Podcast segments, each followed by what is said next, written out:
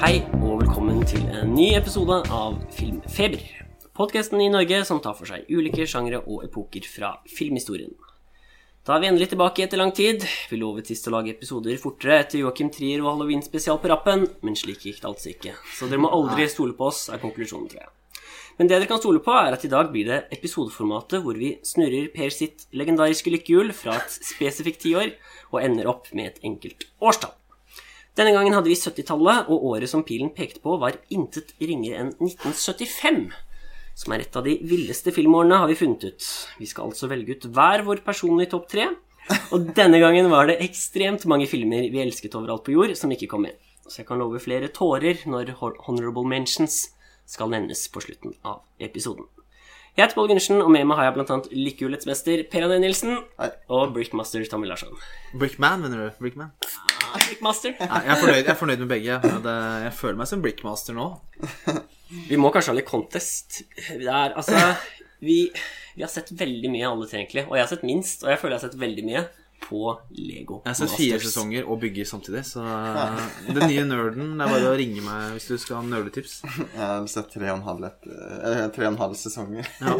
Ja, men det er hektene. Det, altså det er, de er helt rå. De får så mye sånne ting hvor de skal bygge. Og så er det til og med et filmtema som er dritkult. ja. Får litt lyst til å spoile noe av det. det, er, Ja. det er det lov? Ja, det er lov. Ja. Ja, jeg skal spoile? King Kong. King Kong. Vi er, vi er ekstremt ute av trening. Du leser masse feil, og du sier to og en halv episode i sesong. Nei, dette blir en bra episode. Dette blir en bra episode. Du skal gjøre det. Og ikke minst, du er dritforkjøla. Det må vi bare påpeke. Det hører Den stemmen stemmen. min Jeg kom til stemmeskiftet. Eller ja, jeg er kanskje forkjøla også. Jeg vet ikke. Men eh, sånn kan det gå. Ja. Nei, men det, det vi skulle si, var i hvert fall, King Kong. Uh, Den var kul. veldig kul uh, Jævlig nerd å liksom påpeke igjen, egentlig. Men sånn der, hvordan det henger i Empire State denne? Det var i hvert fall eh, Det er verdt å se det som filmfan. eh. Ja. Og de var også litt sånn underdogs. Det er to sånne 19-åringer som egentlig surrer ganske mye. De er mest kjent for å løpe veldig fort eh, og for å hente legoklosser. Men de naila det veldig bra, det, altså. Det må jeg si. Ja. Vi kunne snakka om det, men eh, vi har jo noe film på planen nå. Men Vi kunne sikkert snakka om det en halvtime, men vi skal kanskje ikke gjøre det. Nei, kanskje litt film også, faktisk, selv om eh, legobygging er moro. Og vi kan jo ta litt eh, sett siden sist, siden det har vi ikke gjort på veldig lenge. Så jeg tenkte vi kunne ja, gavle litt om det før vi tar eh, 70-tallet. Ja, vi har jo ikke hatt det på en stund. Nei, det er noen episoder siden. Ja, Vi har vel vært, vi har så vidt vært innom det, men nå begynner det å bli lenge siden. Ja. Eh, og Hvis man bare vil høre 1975, så kan man jo spole. Vi kan jo legge ut det der tidspunktet. Ja, sånn hvis man bare vil høre Men vi kan jo nevne litt hva vi har sett siden sist, da. Ja. Så tenkte jeg skulle begynne på det. Ja. Det blir jo mye gammelt i denne episoden her, uh, så jeg tenkte det var greit å ta tempen på litt mer nyere ting. Jeg pleier ofte å gjøre det òg. I hvert fall nå mot Oscar. Ja, uh, Oscarsongen starter liksom tidlig. Det er jo ikke før i mars-april ofte, men Kanskje eh, tidligere i år. Mulig er det tidligere neste Ja. gang, seint februar-mars, men likevel, vi er jo allerede i oktober-november der, så er det godt i gang. Ja, ja. Det kom jo så mye filmer på den tida. Og så hadde jo kinoen åpna sånn utover eh, sommeren, så det var liksom vanskelig å unngå. Og jeg tenkte jeg skulle først trekke fram Wes Anderson. Eh, vi får vel ikke tid til en egen episode på hans nye film, så jeg tenkte da kan vi, så har vet jeg at i hvert fall du har sett den, Pål. Mm. The French Dispatch. Eh, noen lurer kanskje på hva vi syns om den. Det er jo den virkelig nye store ensemblefilmen hans, da. Og det er jo ganske sånn galskap. Jeg skal ikke spoile noe her, både for deg, Per, men også for lytterne. Men det er liksom, det er en antologifilm. Tre historier. Og det er på en måte hans mest visuelt intense film. Det er så mye som skjer. eh, Og det bare renner over av detaljer, navn, forskjellige uttrykk, eh, anekdoter og sidehistorier på sidehistorier. Og det er på en måte, det er sånn grenses... Det har aldri vært så mye detaljer i sekundet før, og så mye liksom franske ord og uttrykk, og så skal vi se dette kjapt, og kamerainnstillinger, og blanding av svart-hvitt og farger, og cinemascope, og trangere bilder, og det er bare sånn, det går i et sånn hin hinsides tempo, da. Mm. Eh, så det er liksom kult, men emosjonelt syns jeg det er hans minst interessante. Mm. Som en kontrast til den nettopp sa, da, som er så på et så høyt nivå. Ikke at West kanskje, kanskje er liksom det man først man tenker på emosjonell. Selv om, ja, vi har jo Life Aquatic, liksom slutten på den vet jeg du er veldig glad i, for eksempel, Paul. Ja. Det er liksom noen av de. Og så Royal Tenenbaums også. Syns jeg er ganske så, sånn trist. Men her er det på en måte nesten sånn helt fraværende, da. Det er liksom bare den stilismen hele veien. Og da sliter jeg litt med å komme inn på historien, og jeg merka at det liksom stoppa meg litt fra å liksom sette den like høyt som mange av de andre. Så for meg er det nok liksom Det er litt vondt å si det, men det er liksom i hvert fall bunn tre, da. Ja. Uh, men det, det er, det er, jeg kjenner det er vondt å si det, for den har utrolig mye fint ved seg. Og det, det negative var noe som sank inn litt etter hvert. Ikke når jeg satt og tenkte på det her og da, for da sitter du bare og koser deg med filmen. Og så syns jeg det var veldig sånn fint kjærlighetsbrev til, liksom den, til journalistikken, eller liksom finjournalistikken, da. Mm. Og det er jo det den handler om, på en måte, det der å skrive om mat og litteratur og reise rundt i verden og liksom sånn The New Yorker-aktige greier, da. Ja. Og bare når Owen Wilson presenterer denne byen i starten, er utrolig morsomt, på en måte. Så det er liksom litt vondt med de negative tingene, men for meg så kommer den litt til kort, sånn totalt sett i hans hele filmografi, hvis du ser den under ett, da. Ja. Jeg tror kanskje likte den litt bedre enn deg da. Jeg tror jeg kanskje var litt sånn på midten. Eh, for den er, litt den er jo egentlig veldig ujevn. Det er kanskje det man kan si. At han gjør så sinnssykt mye forskjellig at det er jo mareritt for de som ikke liker Wes Andersons-stilen, på en måte. Ja, det... det- er jo helt sinnssykt. Og han prøver også faktisk nye ting. Han har liksom faktisk sånn lange tagninger og snurrer med kamera. Og han liksom okay. gjør liksom alt mulig rart. Men for meg var det det at historiene var så varierende i nivå, da. Jeg syns den første var dritbra, og så syns jeg at den andre var ganske dårlig, og så syns jeg kanskje den tredje var sånn midt på treet. Så sånn helhetlig så endte jeg med at den kanskje ble litt sånn midt på treet for meg av liksom Wes Anderson, da. For jeg syns Ja. Den holdt liksom det nivået til den første hele veien, så hadde den liksom vært helt i toppen, da. Jeg likte den første best, jeg òg, men jeg syns liksom ikke den ikke den likevel er på nivå med de beste filmene likevel. Nei, ikke fordi vi skal ta de aller beste, nei. Ja, men det er kanskje fordi vi eh, ikke tilbringer nok tid i, den, i alle de historiene heller, men mm, den var litt lenger enn den kanskje burde vært, syns jeg. Og den første, på en måte. Den, den tar seg god tid. Den første er med lengst. Kanskje. Føles ut som den var eh, Eller ja, jeg vet ikke. Det Jeg bare likte den veldig godt. Det er jo igjen sånn kødding med kunst, da, som er Ja, i fokus. og jeg syns den gjør det veldig bra, da, hvordan han gærningen jobber med kunst, da. Den første handler jo om kunst, den andre handler på en måte om politikk eller revolusjon, og den tredje Ja. handler om egentlig om mat, men ender Ja. opp med å handle om andre ting. Ganske mye annet, for han blir rota inn i noe annet kødd. Mm. Men eh, ja, nei, du må jo komme deg Du må jo få sett den, så vi får høre hva du syns etter hvert. Ja, jeg må innrømme at jeg kanskje har vært litt negativ til den. Også fordi jeg generelt sett ikke er så glad i kortfilmer, egentlig. Og jeg kan ikke huske sist jeg likte en sånn den type film. Dreams? jeg- Dreams? Ja, litt, men selv, selv den syns jeg er mye kjedeligere enn Kurosawas Ja. mer. Men du liker West veldig godt, da? Eller gjorde i hvert fall før? Så ja, jeg kommer jo til å se den. Ja. Men jeg har også kanskje gått litt lei det der at han skal snike med så utrolig mye i en film, da. Og, det er, det og nå er det mer enn noen gang. Ja, det går litt over stokk og stein noen ganger. Sånn, det er liksom et nytt filmatisk uttrykk hver scene, og da sier det seg selv at det vil jo ikke funke like bra som en rød tråd. I den siste historien, jeg skal ikke spoile, men det er på en måte en scene hvor det er liksom split screen, og det er to forskjellige ting, historier i hver skjerm, som selvfølgelig er i split screen, men det ene er liksom på fransk, og det andre er på engelsk. Ja, ok. Så det er undertekst på den ene sida, men på andre sida så snakker de. Ja, Så man både hører hva de sier der, og leser på andre sida. Og så går det liksom litt sånn om hverandre, Så og det går så inn i en tegnefilm etter det, Og så snakker de så fort, snakker de så fort i tillegg, da. Så, så det er på en måte Ja. Det er, den, er, den er selvfølgelig Den er veldig Det morsom. er liksom must det er must for de som elsker stilen, da, og kanskje stå over for de som syns når Wes Anderson drar på for hardt, blir for mye. Ja. Så kommer du til å si meg her, på en måte. Så det er liksom Det spørs litt hvem av Wes Anderson-filmen du liker, tenker jeg. Bottle Rocket har kanskje alltid vært min favoritt. så- Ja, det er det i hvert fall. Det er, den, ja, det er den minst Det er noe som ligner minst på denne, men det ligner minst på alle de han har. da Så det er på en måte Budapest Hotel på syre, for å bruke et veldig kjedelig uttrykk, men Den og Isle of Dogs. Det er jo egentlig de nye filmene hans, egentlig, som han drar lenger, på en måte. kan avslutte med at han har jo allerede eh, ikke bare begynt å spille, men ferdig spilt inn hans neste film allerede, i Spania.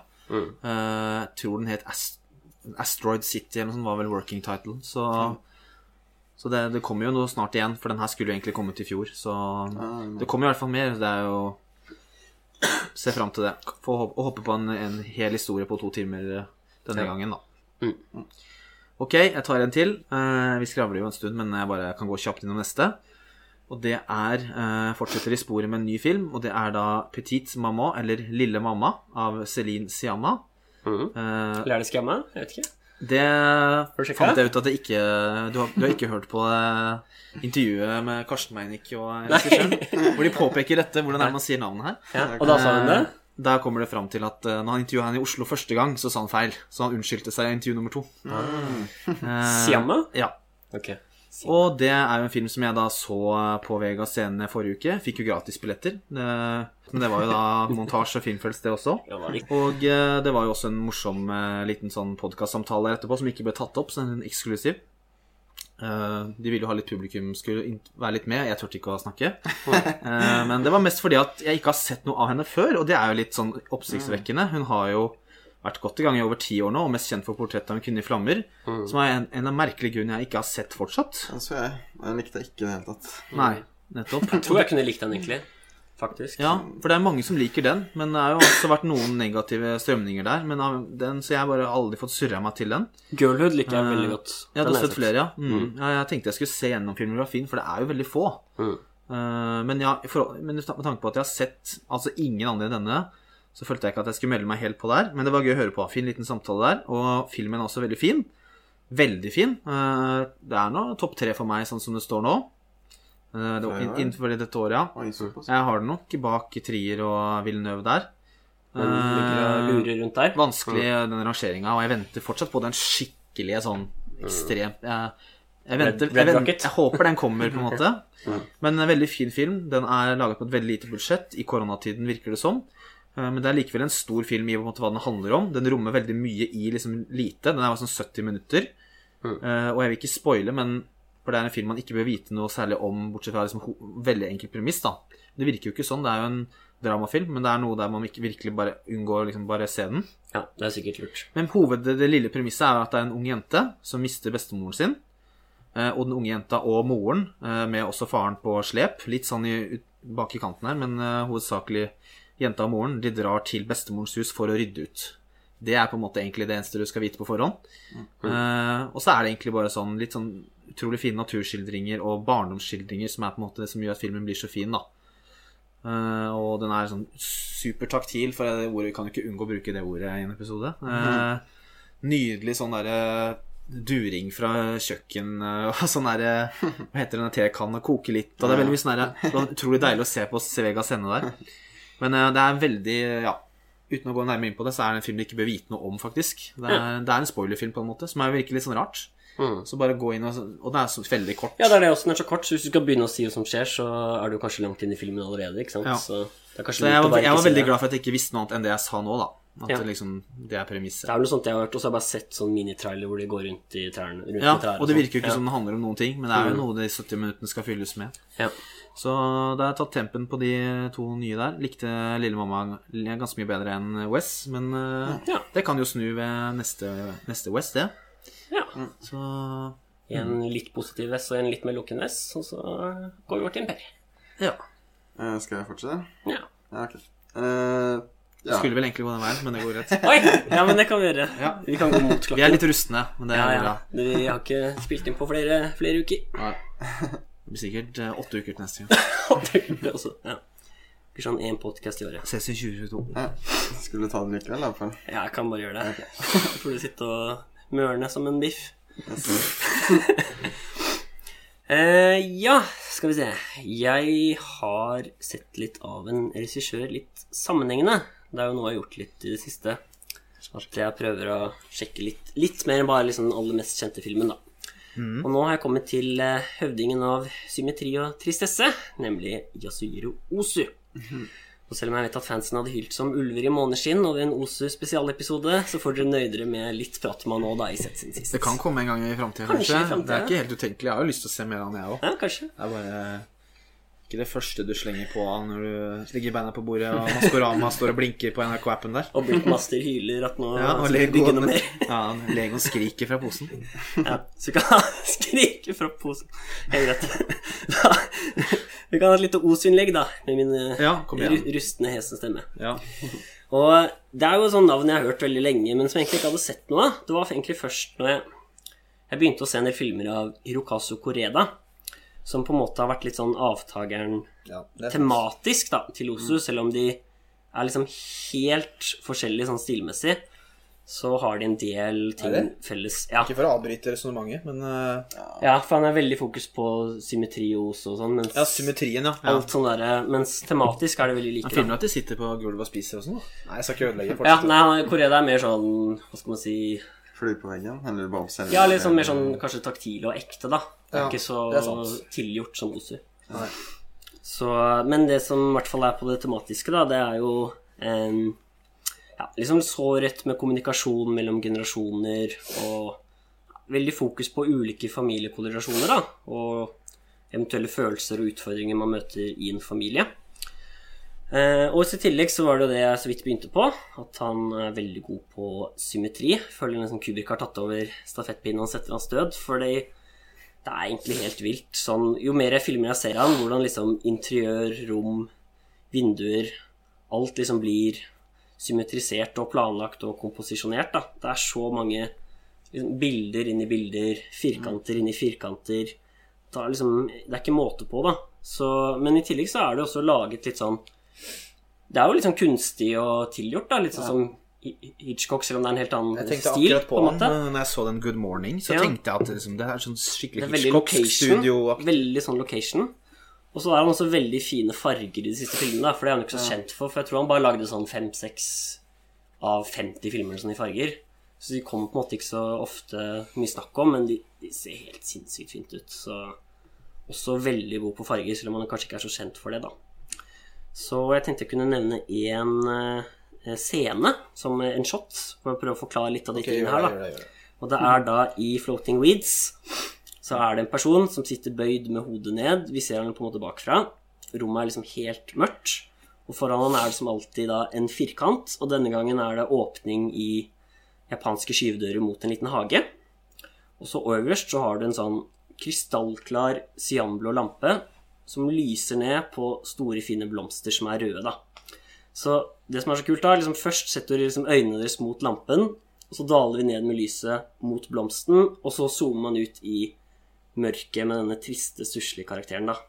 Og det er på en måte Det shotet er så stemningsfullt, og hadde på en måte aldri fått Føler jeg det samme hvis du hadde hatt det svart-hvitt, da. Så han har på en måte virkelig klart å bruke fargene best mulig inn med symmetrien, da. At liksom de popper i den scenen. Så veldig Og hvilken film var det? Det var Floating Weeds. Floating Weeds. Du sa det jo. Jeg skjerpe. Så helt på tappen så kan jeg bare nevne noen uh, filmer for de som på en måte ikke har sett noen ting, som jeg kan anbefale. Topp tre og bunn tre. Kjør. Ja, det var ikke bare topp tre. og det er uh, Tokyo Story, som kanskje er den mest kjente. Den har sett. Den har jeg kanskje sett også. Det handler da om et eldre par som besøker barna sine i byen, hvor barna da ikke har noe særlig tid til dem.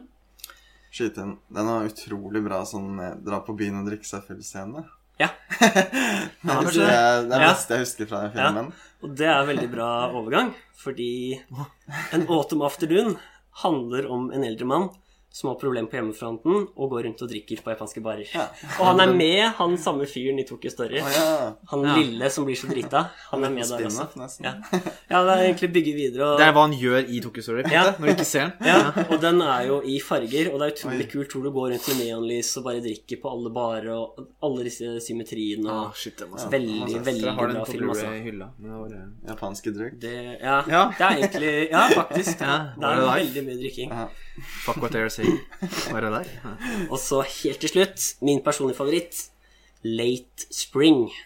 Som da handler om en eldre ektemann som ønsker å gifte bort datteren sin for å gjøre henne lykkeligere. da. Og det må jeg si st- store ord, men det er kanskje beste portretteringen av lengsel og ensomhet jeg har sett på film, faktisk. Oi. Så Å, den kan anbefales. Og det trumfer drikkefilmen. Ja. Drikkefilmen er veldig bra, Så, men, Det er på en måte Nei, jeg skal ikke avbryte. ja. Nei, det er egentlig bare det. Det er uh, Tokyo Story, An Autumn, An Autumn Afternoon og Late Spring er liksom de. Og så kan man kanskje også se Floating Weeds har på en måte ikke like bra historie, men den er liksom så sinnssykt stilisert, da. Så hvis du bare vil på en måte se liksom farger og sånn helt absurd symmetri, så sjekk ut den også. Nå Autumn Afternoon er den aller siste han lagde, sant? Ja, den okay, siste. ja. Nettopp. Fordi det, det jeg skulle til å Da er han faktisk gammel. Ja. For Han som spiller den, spiller liksom bestefaren når han er 43 og sånn. Ja. Men her er Det han gjorde de faktisk alltid i gamle filmer, det Ja, før. men her er han faktisk blitt 60, så nå ser han faktisk veldig gammel ut. Apartment Gate. Ja, Det ser ut som han er 120. ja det er 120. For det jeg, skulle, det jeg skulle spørre om, var egentlig Nå som du har sett en del, for hvor mange har du sett? Kanskje sett ti? Kanskje? Ja, for det jeg skulle spørre om da var Når du har sett ti, er likevel Tokyo Story den beste, men så sa du det jo før jeg rakk å spørre at det er faktisk Late Spring. da, Late Spring er den beste, favoritt. og så vil jeg si at An Autumn Afternoon er på rundt Tokyo Story. Ja, Det tar de ca. like bra. ja. Nei, for jeg har jo Det er jo flaut, men jeg har bare sett Tokyo Story og Good Morning. Den er også er- veldig morsom. Som er en film om promping og Ja, se, på se på sumowrestling. Ja. Den er veldig egentlig lett og annerledes enn de andre. Det er på en måte komedien hans, på en måte. Ja. Så den kan jeg også, ja, kan også anbefale. Den er ikke liksom helt oppe med de beste, men Nei. den er veldig koselig og Det er Late film, altså. Spring og Autumn Afternoon som er Det er jo seine filmer. Eller i hvert fall Autumn. Late Spring er tidlig. Den er 49 eller noe sånt, tror jeg. Ja. Og så er Autumn Afternoon siste. Mm. Floating Weeds er også i farger, så den tror jeg var 59. Så er også blant de siste. Ja. Men det er masse andre òg. Liksom Early Summer, også dritbra. og masse annet man kan sjekke ut. Men jeg tenkte bare å nevne liksom de aller beste, da. Nei, men eh, jeg skal skjerpe meg litt, for det, det er litt kult at du bare ser ti stykker liksom på to måneder, eller hva det er. Ja. Det er kanskje litt lenger. Men ja, Ja. jeg har i hvert fall sett en del også. Ja. Ja. Så det er kult, for da ser du litt mer sånn hvordan han komponerer og alle de liksom symmetriene. Hva er den verste, da? Kanskje The Only Son, men det var litt fordi den var så gammel. Så da har han liksom ikke symmetri. Ikke, ikke gammel og- film, ass. Nei. Nei, men han hadde liksom ikke så mye av symmetrien, og det er litt Nei. dårligere skuespill. Han lagde jo stumfilm først, så han har jo holdt på så lenge. Ja, så det, jeg tror det er sånn kanskje den første han hadde med stemme eller noe sånt. ja. Så Jeg de aller tidligste Ose var kanskje ikke så spennende, syns jeg. Det er bedre når han begynner med symmetrien og ja, Også Ja. farger også, syns jeg han er veldig flink på.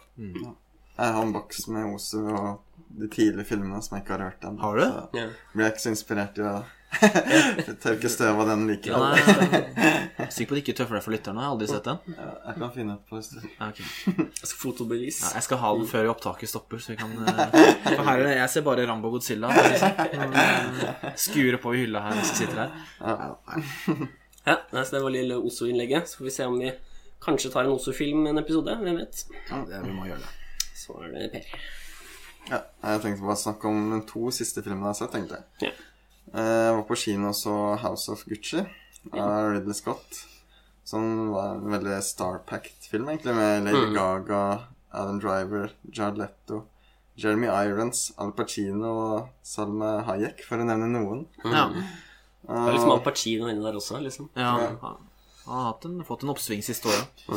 Det er da en biografi-drama om eh, Gucci-familien, eller andre generasjons Gucci-familien, Mm. som da skal arve dette imperiet, da. Og hvordan eh, det går. Jeg vet ikke hvor mye dere kjenner til Nei, altså jeg vet premisset med at det er noen som skal prøve å gjøre noe mot den andre, for å si det veldig forsiktig. Ja. Ja, det Jeg vet ikke hvordan det, hvordan det går, Ja, så det, det er vel kanskje ikke noe vi skal spoile heller, selv om det er historisk. Men det var også noe som overrasker meg, for jeg spiller egentlig veldig liten del av okay. den to timer og 45, eller hva den er. Ja, så lang, ja. Så, Men jeg må si at jeg var veldig positivt overraska, egentlig.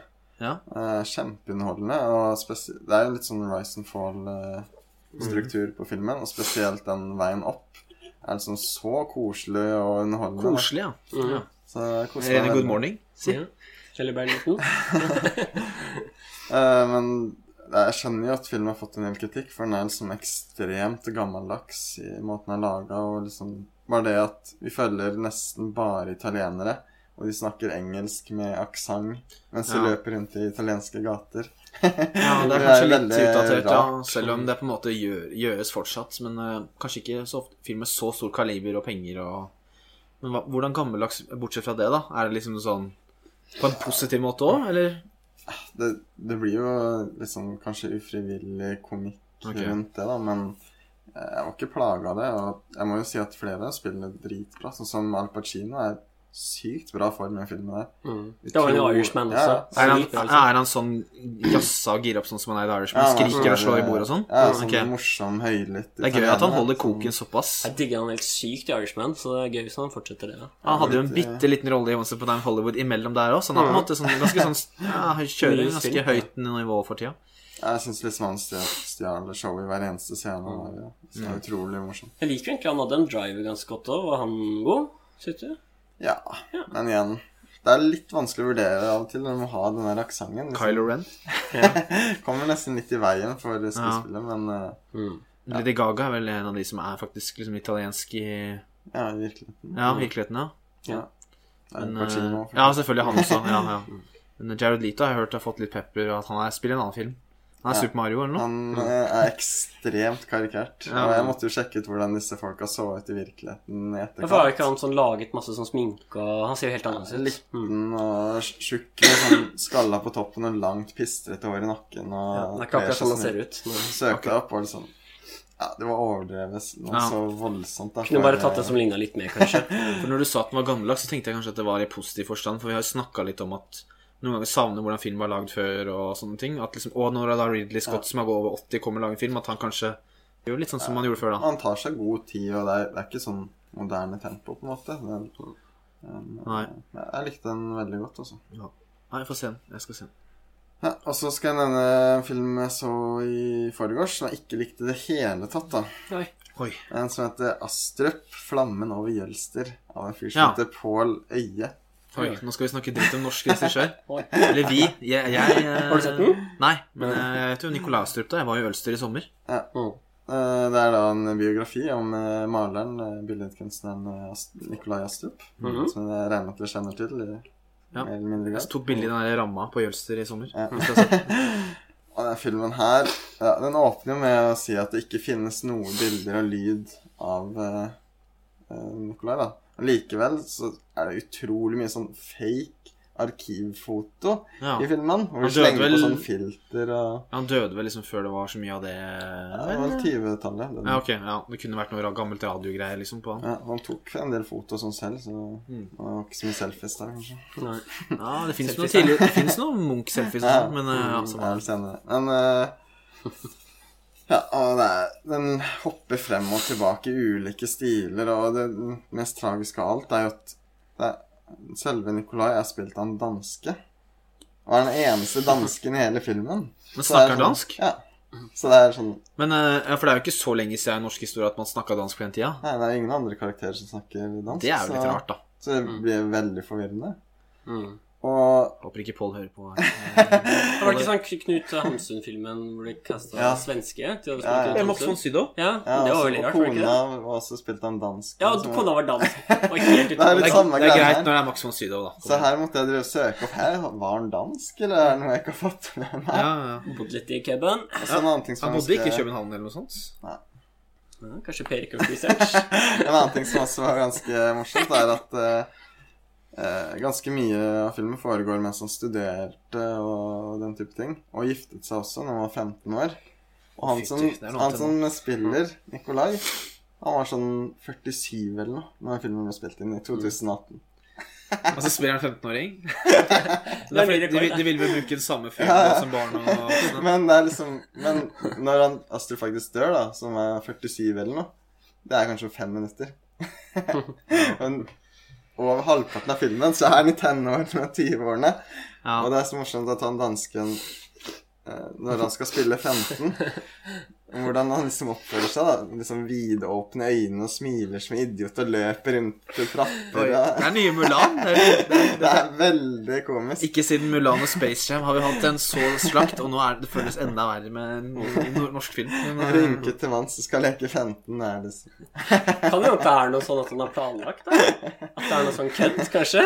Nei, det tror jeg ikke. At han bare, men man kan jo ikke tenke at en 47 år gammel danske skal være en norsk 15-åring. Ja, det er veldig mye rart. Nei, jeg vet ikke. Vi har jo Benjamin Button. Det beste jeg kan si, er at filmen var sånn én time og ti min eller noe. Virker som den lille mamma. Så ligger den jo gratis ute på NRK nett-TV, da. Men Ok. eh, NRK ble virkelig skamma da de kjøpte rettighetene. Dette er, dette er hissig slakt. Det, det føles litt mer pinlig når det er mot en norsk film enn når vi snakker om Disney. Er det bare meg? Eh, Ja, jo, det er det. Ja, det er jeg enig. i. Ja. Han har sikkert lagd mye annet bra. Ja. Oss. Tror det er han som har lagd Villmark og Fritt vilt. Ja, Det vet, jeg, det vet jeg faktisk ikke. Jeg tror Men, det, jeg eh, syns det navnet hørtes litt kjent ut, men jeg er ikke en ekspert på dette her. Men uh, har du noe positivt å si, da? Eller det er kanskje et ledende spørsmål. Men eh, han er jo flink. Jeg liker jo noen av bildene hans. ja, Jeg vet ikke. er men Sankthansbål, eller hva det er. Den der, ja. Ja, det er veldig mye fokus på akkurat det bildet. Ja. Filmen heter jo 'Flammen og Jølster'. ja, så- nettopp. Nei, det er ikke så mye pent å si, egentlig. Nei, vi kan anbefale den filmen. 'Edvard Munch' av Peter Watkins fra 1974. Ja, den den. er Nei, kjempe, den ikke kjempe, Ja, den er fin. Ok, greit. Da har vi jo da, Det hjalp ikke på øynene så mye, men Avslutningsvis så kan vi jo kanskje ta bitte litt om Titan. Jeg har ikke planlagt så mye, det har vel kanskje ikke dere heller, men vi har, det er en film alle tre har sett, da, som er en ny, en helt splitter ny film, og i tillegg en gullpalmevinner. Så vi, vi har nevnt det vel i en av de tidligere episodene at den hadde vunnet, men så gikk vi ikke mer inn på det, siden vi hadde så mye Men Kanskje vi ikke hadde sett den engang, da? Nei, ikke, ikke alle tre i hvert fall. Jeg så den veldig tidlig. Det begynner å bli Jeg så den nesten med en gang den kom til Norge. Så, Mm. Men vi kan jo begynne med å kanskje si det som er overskriften, som er at eh, publikum stormer ut i forferdelse. Det er jo Altså, er den så drøy? Jeg vet ikke Litt, litt jeg tenker, jeg tenker Jeg hadde en diskusjon med fellesvenn Andreas om det. Sånn, hvis du oppsøker den filmen, så har du vel fått med deg at den kanskje har vunnet gullpalmen. Ok, la oss si du ikke har fått med deg det, da, men du vet, du vet at, hvert fall at dette ikke er Altså en ny amerikansk blockbuster, i det minste. Og så går du faktisk ut av salen likevel. Syns det er litt rart, det. Jeg syns jo kanskje plakaten kan være litt villedende. For den fokuserer veldig på fem første minuttene eller noe. Ja. Noe estetisk og Mm. akkurat hva som skjer på filmen. Ja. Ja. Nei, jeg vet ikke om det, det husker jeg ikke noe. Jeg visste jo veldig godt at det skulle være litt sånn eksplisitt vold og sånn, men står det ikke det også i beskrivelse at det er litt sånn grafisk film, tror jeg? Der, I beskrivelsen så står det vel bare at uh, en mann har mistet sin sønn og en dame, og samtidig som en morder går løs, på en måte. Det er veldig ok. sånn uh, Ja, kanskje. jeg Jeg, visste det i hvert fall, men ja. det er kanskje noen Vi trenger kanskje ikke å spoile. Det er vanskelig å snakke om uten å spoile, men eh, jeg, jeg, hører fra deg først, fordi Mm. du er jo kanskje kjent for å være mest sensitiv mot vold her. Ja. Hva syns du om filmen? Det lurer jeg på. Nei, jeg likte den ikke så veldig godt. Nei. Og eh, det er jo litt sånn Jeg visste på forhånd at det derre Jeg er ikke så glad i sånn der eksplisitt vold. Men jeg er heller ikke så veldig sånn bilfascinasjon, sånn der autofil og sånn. Og det er veldig mye av det Autofil, også. Det er NRK-programmet, han er Ja, det er jo det, liksom. Jan Erik Larsen, hva han heter for noe? Jeg tenkte ikke på han. Nei, jeg tenkte mer, tenkte mer- jeg tenkte mer på Crash of Cronberg, men Ja, men eh, jeg mente at, sånn, at man er så Som at man er heterofil. Da. Det var mer sånn jeg tenkte. At liksom, jeg, har aldri vært, jeg kan like road moves og sånn, men jeg er ikke så veldig glad i sånn derre ja, Vi kan kanskje ikke røpe, men det er mye sånn bilgreier, i hvert fall. Da. Det kan jeg i hvert fall si. Så det er liksom de to hovedelementene er liksom bil og vold. Så det er ganske langt unna liksom mine preferanser. Men Jeg bryr meg heller ikke om bil men, eh, i det hele tatt, men eh, autoerotikk jeg skal ikke undervurderes. Eh, det, er, my- det er mye så- seksuelt i, med bilratt og, ikke sant? Ja, det er ikke ikke minst girspaken, si. Men det er ikke bare det, da. Jeg føler også det med hovedkarakteren er også en del At du kommer så sinnssykt lite inn på henne, og at hun er så sjelløs, og hvordan på en måte historien går, da. Så ja, jeg vet ikke Det er vanskelig å kanskje si uten å prate, men den tar jo et skikkelig skift. Som ikke gjør det for det bedre, da, for min del. Og Nei. Jeg sitter ganske tom igjen med den karakteren. egentlig. Verre slapp enn Astrup. det. Nei da, det er noe bra ting, men det er, det er litt sånn Det det er ikke noe mesterverk og noe gullpalmefilmer, i hvert fall. Det er det ikke. Jeg minner om at det faktisk var en voldelig scene hvor jeg nesten måtte se vekk, altså. Er det sant? Den uh, nesa I speilet? Ja, Ja. den så jeg vekk, Den faktisk. jeg Ja, den var var ekkel. Helt jævlig å se på. Ja, det, det føles så virkelig i forhold til mye sånn Jeg syns ikke det er verre enn uh, brannslukningsapparatet i Reversible, på en måte, men uh, Nei, men Jeg det er jo liker kanskje det verste noensinne, da, kanskje. Okay. Ja, du har ikke sett, du har ikke sett Cannibal Holocaust, gutten min. Nei, ikke sant. Men eh, jeg tror Irreversible er liksom det verste jeg har sett, så der føler jeg at Ja. det er ille, selv om det ikke er så ille.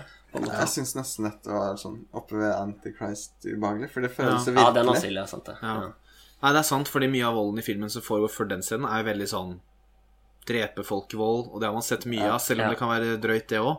Ja, Så det det, er verre med sånne knekte neser Ja. og knekke fingre og, forsøk og og sånn. sånn Ja. kjøttgreier i øret. Liksom, Ja, sånn, sånn, de er, ekle, sånn, det for det er, jo, det er jo body horror, det har vi ikke sagt engang, men uh... Ja. Nei, jeg er enig i sånn drap og sånn, det går fint. Jeg er, Jeg er litt tøff, altså. Litt tøff. Jeg likte filmen ganske godt, egentlig. Syns det var spennende. og- jeg syns den var nesten litt rørende.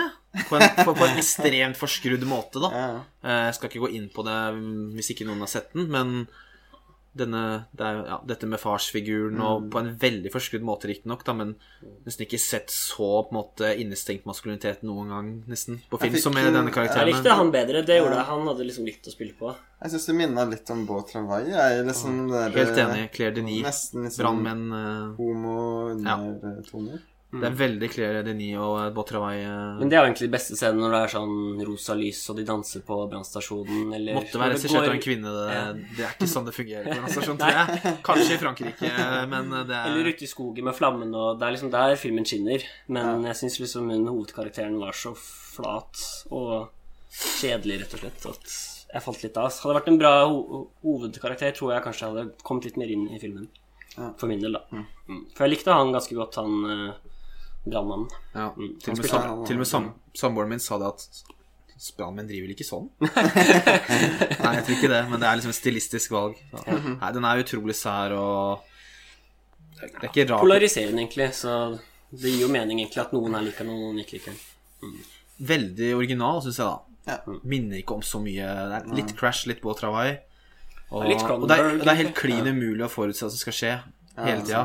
Og det er veldig morsomt. Jeg visste jo ingenting om filmen, så jeg ble veldig overrasket. Det som kanskje er litt sånn rart, det er på en måte at den er så kli- klin kokos fra start. Det er ikke så mye oppbygning. Det er kanskje litt rart. Jeg husker jeg ble litt satt ut av at det skjer vold så utrolig tidlig. Ja, Og det tok meg litt ut av det, men når jeg tenker på det nå, så er det ikke så ille. Men eh, det er jo litt rart. Det var kanskje det litt problemet. Ikke noe oppbygning, på en måte. Du får ikke noe bakgrunnshistorie, og du lærer ikke så mye mer med henne heller. Så det er litt sånn Ja, Nei, nå tørster vel eh, 70-tallet, kanskje. ja det tror jeg. Nå skriker lytterne. Ja. Så nå må vi videre. Vi skal da altså ha topp tre fra 1975. Det er kanskje lyttere som har glemt allerede, men det er i hvert fall det vi skal gjøre. Og da kan vi starte med Per denne gangen, tenker jeg. Så kan vi gå motsatt rekkefølge fra sitt siden sist. ja eh, jeg skal da ha Death Race 2000.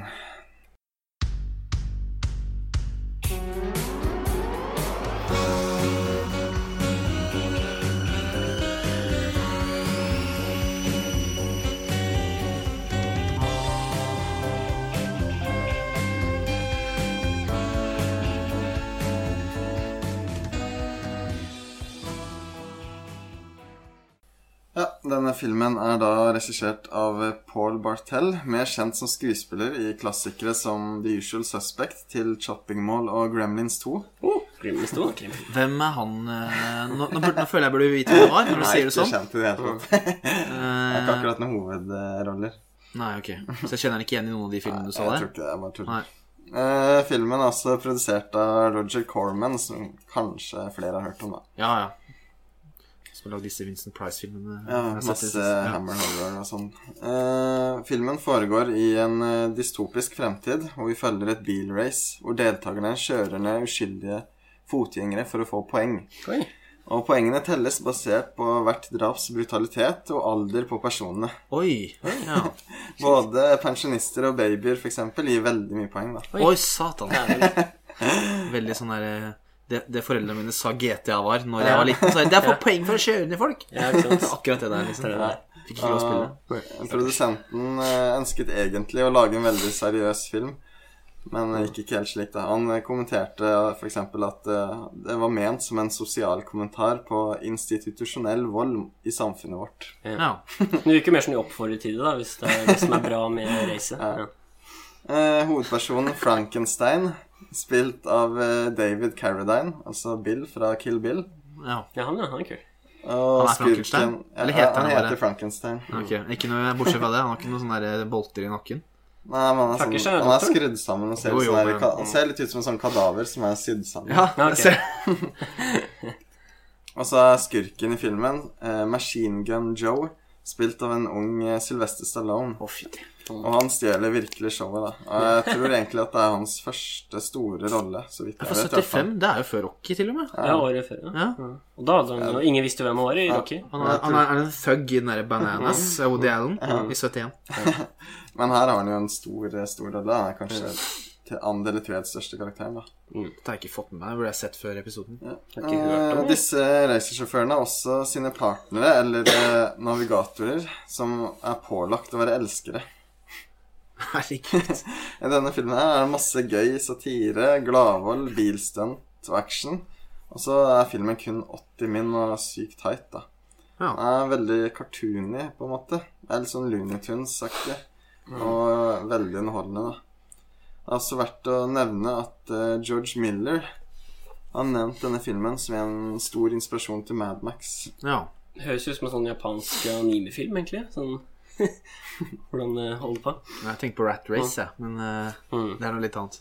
Mm, Kanskje også nevne at eh, filmen har et utrolig kult uh, liksom karaktergalleri. da Man har en som heter Nero the Hero. Og The Swastika Sweetheart Matilda the Hun. Ja. Ordspill på Attila. the Hun. han. Eh, ja, det er veldig voldelig og morsomt, egentlig. Ja, jeg skjønner, Den her burde jeg sett før episoden, føler jeg. Men, Men jeg har ikke eh, hørt eh, Jeg har jo googla litt sånn Movies 75, og da tror jeg ikke fant den her, egentlig. Nei, vi, vi, vi, vi, Vi må vi, lete vi, visste jo at det var en som kom til å grave ned B-skuffen Ja. og servere det på sølvfat, og det fikk vi jo nå. Nei, for eksempel, I fremtiden så er jo overbefolkning et problem. Så er det et sånn sykehjem som har triller ut pensjonister i rullestol og plasserer dem midt i en vei. Nei, Det nei. er ganske Bare lar den stå der. Ja, nei, det er Så det var fordi Ok, så produsenten ville at det på en måte skulle være litt sånn sosial kommentar på hvordan ting ikke funker, men her så blir det på en måte framstilt humoristisk? Eller er det egentlig Skal det ikke være så moro, men det blir moro fordi det er så køddete? Tror du? Eh, Den er, den er komisk. Ja, okay, Ja. Det var visst konflikt mellom regi og Ja. produsent om hvordan man skulle gjøre det. Okay. Og jeg tror ikke den hadde funket som seriøs heller. Da må, du, da må det tones litt ned, kanskje. Ja, og det, det er så over the top at uh, ja, som sagt, folk står på tribunen og vifter med svastikaer og Ja. Mye sånne, det var veldig mye sånn der Nazi-exploitation på 70-tallet. De begynte ganske tidlig å liksom ikke være butthurt. Holdt jeg på å si. Ikke butter, det er feil ord å bruke mot noe så forferdelig, men sånn Ja, det er ikke så Allerede da, på en måte. Eh, Det har jo den der The Black Gestapo også fra 75. Ja. Som eh, vi, ingen av oss har sett, men som vi eh, er klar over. Samme år, ja. ja. Ja, Så det er veldig sånn merkelig, det. Og Ilsa og ja, forskjellige ting. Yes, jeg har ikke så mye mer å tilfelle uten å gå inn på plott, Spoilere detaljer og sånn, ja. spoilere. Og, Ja. Men det er kult, da. Det er en film som sikkert mange ikke har hørt om, så kan de er hoppe på den. Ja, jeg, er- jeg kjenner at jeg, kan, jeg har liksom ikke så mye mer å tilføye, men vi har ikke sett noen av oss, så Jeg har ikke hørt om den engang, så Nei, det blir det er vanskelig. jeg er ikke helt, eh, Helt Det i- Litt med Mad Max og råkjøring ute i Ja. ørkenen og sånn, så Ja. yes. 70-talls Fury Road. Nice. Men da er vi offisielt i gang. Da er det kommet en sånn eh, rakker av en film. Ja. Og da går vi videre til Steven Spielbergs Jaws. Dun,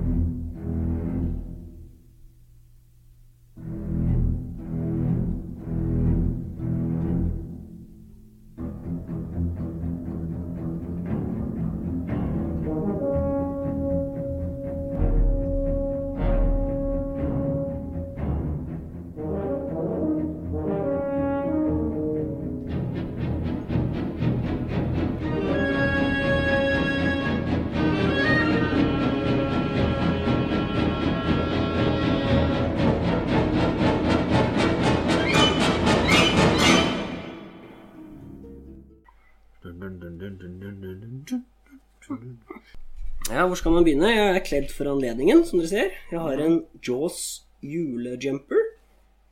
Var ikke den fin, Per? Veldig søt. Ja, takk.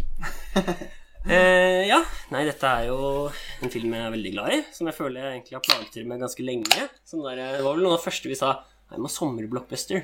Må ha Jaws. Og så har det liksom aldri blitt noe av. Vi skulle vel Ja. spille inn det som første episode. Et eller annet. Så spilte vi Jurassic Park i stedet. Den har vi aldri gitt ut, fordi den ble så dårlig. Ja. Så ble Tennet for første i stedet. Og så tror jeg nesten vi snakket om den en annen gang òg. Men ja, uansett, her er vi.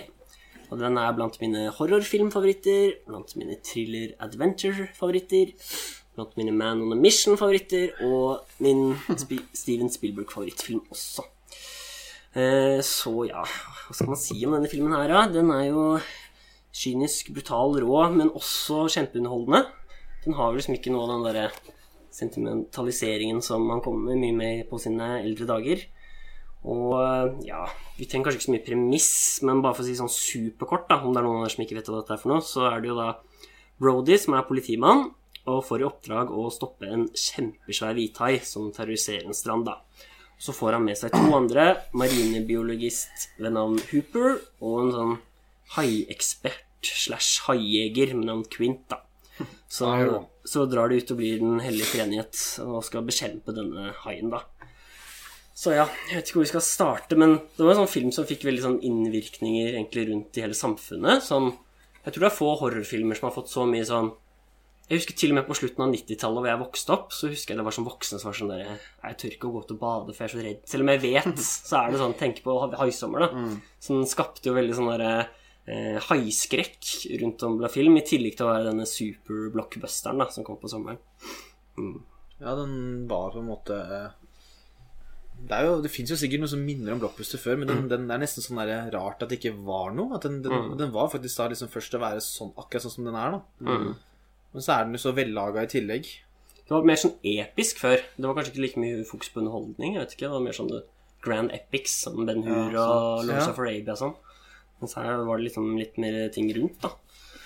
Så er det jo liksom først mye av dette er korrupsjon i starten, som liker veldig godt. Hvordan liksom det bygger opp, og ganske sånn brutalitet. Det er jo barn som dør, og det er jo ganske sånn hard start. Og det legendariske Vertigo-zoomet mot Ja. Brody, det er vel at Jeg tror kameraet triller forover, men linsa zoomer utover eller noe sånt. Ja. Så det blir veldig sånn rart shot, sånn bakgrunnen og sånn. Veldig kult. Det skaper veldig en følelse av at han panikk og stress. Ja. Ikke bare i kamera, men også i ansiktsuttrykket hans og Ja. skuespillet hans. Veldig sånn Og den musikken derre sånn der, Du merker veldig at han liksom innser at for han, Du kjenner at han får kalt den ryggen, på en måte. Jeg oppdaga også ganske tidlig i filmen at det var en scene med sånn splitt-diopter. Da lurer jeg liksom på om Palma har vært med på settet. Ja, ja, Jeg vet at de vanket i samme kretser, så De var gode venner på den tida. Ja, og Palma brukte veldig mye på settet da. Mm.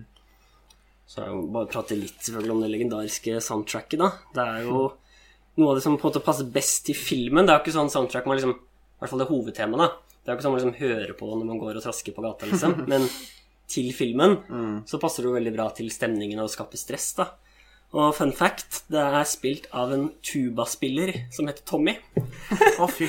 Det er rått å spille tuba når man heter Tommy. Det er noe annet enn klarinettkari. Jeg bør, bør bli inspirert nå. Ta frem tubaen. Og så er det jo Men det jeg liker helt klart best, er jo selvfølgelig andre akt, da. Den siste delen på båten. Og så sykt bra hvor lenge liksom de venter med Ja. haien før den kommer. Og når den kommer, så kommer den så mye fortere og så mye nærmere opp i kameraet enn det du skulle tro, da. Jeg syns det er så bra sånn Kanskje folk som ser den i dag, syns det at det går litt for treigt og er litt for kjedelig og sånn, men jeg syns bare den pacingen er så bra ut fra hvordan de liksom hele tiden jakter den haien til du plutselig ser den etter det har gått en time eller noe sånt, kanskje. Ja. Ja. Jeg liker veldig godt den oppbyggingen, og så er det jo dritspennende etterpå med liksom Kvint sin monolog, sykt bra skuespill, og egentlig også hele liksom det klimakset med hvor alt skjer på slutten og sånn også. Syns også det er liksom ja, veldig bra laget. Og de hadde jo en del problemer med den haien, og det at de liksom brukte den lite, tror jeg var veldig smart, da. For hvis vi hadde hatt den mye rundt, så hadde den sikkert sett mer datert ut i dag, Ja. tror jeg. Så det er, jeg syns det er veldig bra bruk av haien, da. Det er kanskje noe av det beste med filmen. Jeg hadde et gjensyn med den nå for et par uker siden i forbindelse med episoden, og jeg ble overraska over akkurat det den ene, at filmen tar seg ganske god tid, egentlig. Mm. Jeg innbilte meg at den var sånn en time 45 eller noe, så Det er vel over to timer, tror jeg. over to, to Ja. ti eller noe, kanskje. Mm. Og den slutter ganske bratt, på tross av det. Det er Ja, ikke noe sånn det er komme hjem og møte kona og beina på bordet. Det er bare sånn slutt. Ja. Jeg tror Ja, er ting. Jeg vet vi er veldig glad i å snakke om folk ser så gamle ut i film. Ja, Har du lagt merke til det i Jaws? For det er jo veldig mange småbarnsforeldre, og Ja. alle ser ut som de er sånn i 50-åra. Ja. Ja, here we go. Snart, snart, snart får vi sånne klager klage på sånn at vi er sånn ageism. Sånn det ikke Shame folk for å se gamle ut. Ja, det er litt negativt. Nei da. Det er det største komplimentet vi kan gi. En, en ting som jeg kanskje reagerte litt på, er ikke så, så kjempenegativt, men jeg vet ikke hvor nødvendig det var å se haiangrepet i første scene. Nei, det er jeg ikke enig i. For, fordi, ikke enig? Nei. Jeg syns det er så inntrykksfullt. Ja, men ja, neste halvtime foregår jo den diskursen om det har vært et haiangrep eller ikke. Ja. Og sånn sett kunne kanskje holdt litt på mystikken hvis vi bare fant kadaveret, og noen mente det var angrep, andre ja. Man kjenner jo at Da får du ikke antageligvis er vertigo en hai, da. Da får du ikke Men uh, du skjønner litt hva jeg mener som ja, dramaturgisk. Jo da, det kan jeg skjønne. Men da får du ikke vertigo-summen, og så får du ikke den å, Jeg er lenge siden jeg har sett filmen, da, men for å chippe inn litt det der med først, For det første, jeg eh, som går inn på det du sier, da. Jeg liksom husker, og som gir mest inntrykk på meg, er på en måte hvor brutalt det er med første barnet som blir drept, og liksom hvor lite sentimentalt det er. Mm. Hvor liksom hvor, hvor du, Det er ikke tvil om hva som skjer, da. Mm. Og liksom haien kommer under, og du ser liksom gutta hendene opp, og så bare blir den dratt ned, så bare spruter det blod opp, liksom. Det er så jeg synes at Hvis du skal ta Ja, bort det fra filmen, Også så vet jeg ikke helt om Mm. Hvis det hadde blitt borte fra filmen, så hadde det vært en veldig annerledes film. Da. Ja. Men hvis du så den og tenkte på det, så er jo det bare sende noen, sånne der, sende noen keywords til Steven. Han kan not- not- notere litt. notere litt. Nei da, det var jo for Men så de vidt- bygger opp mye andre ting òg, da. For det er jo også sånn med for eksempel den uh, We Need a Bigger Boat Send også. Det er jo den å dra Ja. ut fra liksom bryggene. Så du får liksom de hintene hele veien, på en måte. Mm. Jeg snakka litt om Orca for en en del Ja. episoder Ja. tilbake. Ja. Og det som er morsomt sånn forskjell, er at i Orca så er den veldig på at man også skal sympatisere litt med spekkhoggeren. Mm. Her er det ikke så mye Ja, det, er, det er en Vi er ikke på villain, lag liksom. med haien her. Nei, Nei. det er en villain-villain. Han er så jævlig svær òg. Ja. Sånn overdreven svær. Ja. Jo, Vi posta jo et bilde på Instagrammen nå. Det er jo det, er jo, det, praktiske ved det hele er også veldig kult òg. Det er også et veldig kult bilde av Bergman, Ingmar Bergman, som er på settet. Og som står og liksom holdt på en tann liksom og ser på haien. Og det er liksom kult. To verdener som krysses. Ja. Nei, så den uh, måtte med. Den hadde kommet høyere på andre år, kan jeg røpe, men uh, dessverre helt ned på tredje for 1975. Det er litt tøft år. Det er jo et enormt år. Ja. Så da kan vi gå videre til Tommy sin eh, tredjeplass. Og min tredjeplass er da Ja, nå er dere spente. Nå får jeg lyst til å dra den ut her. Det er da Profondo Rosso, eller Deep Red av Dario Argento.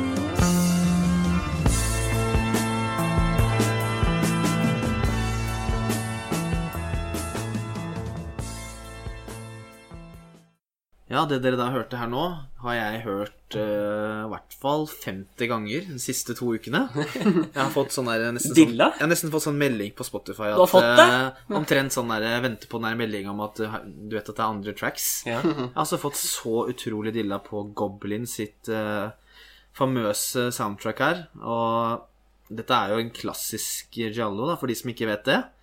Og det er jo mange av de filmene, og det er på en måte kanskje et vanskelig felt å på en måte navigere seg i. Dette er jo et ganske godt sted å starte. Den kommer liksom på høyden av sjangeren, og jeg er ikke på nærheten av noen ekspert på det. Uh, mulig Jeg vet ikke, Per, du er vel kanskje den som vet mest om det her? Men, ja, du er kanskje det. Men jeg, det er i hvert fall, ble i hvert fall lansert på høyden av det, og det er på en måte en av de beste. Og jeg hadde ikke sett den siden ja, 2012, eh, fant jeg ut. Og jeg ble bare helt sånn slått i bakken. Det er jo det er veldig mange bra filmer fra 1975, og det var vanskelig å velge, men jeg tenkte det var morsomt å velge ut denne for, å prate litt om den. Jeg fikk jo sett den 4K-versjonen eh, som har kommet ut, og det var bare Det er så mye filmatisk snadder her. Og det er så mye unike filmgrep som jeg helt hadde gått i glemmeboka. da Mm. Alt så mye close-ups av selvfølgelig ting som går igjen i Giallo med hansker og alt dette her, men også sånn alt fra piano som blir Det er, veldig, det er en scene han spiller piano, og den close-upen er bare helt crazy. Og det, den er helt utrolig. Det er, det er jo en klassisk Giallo, og den har jo på en måte Det er nesten ikke vits å ta synopsis. Det er på en måte noen blir drept, og noen må finne ut hva som skjer. Men den, har, som, den pakker det inn i sånne kule temaer og parapsykologi og sånn psychics som skal finne ut hva som skjer, og alt dette er liksom blanda med en høy, høyt detaljnivå av italiensk interiør og arkitektur som jeg ikke kunne huske.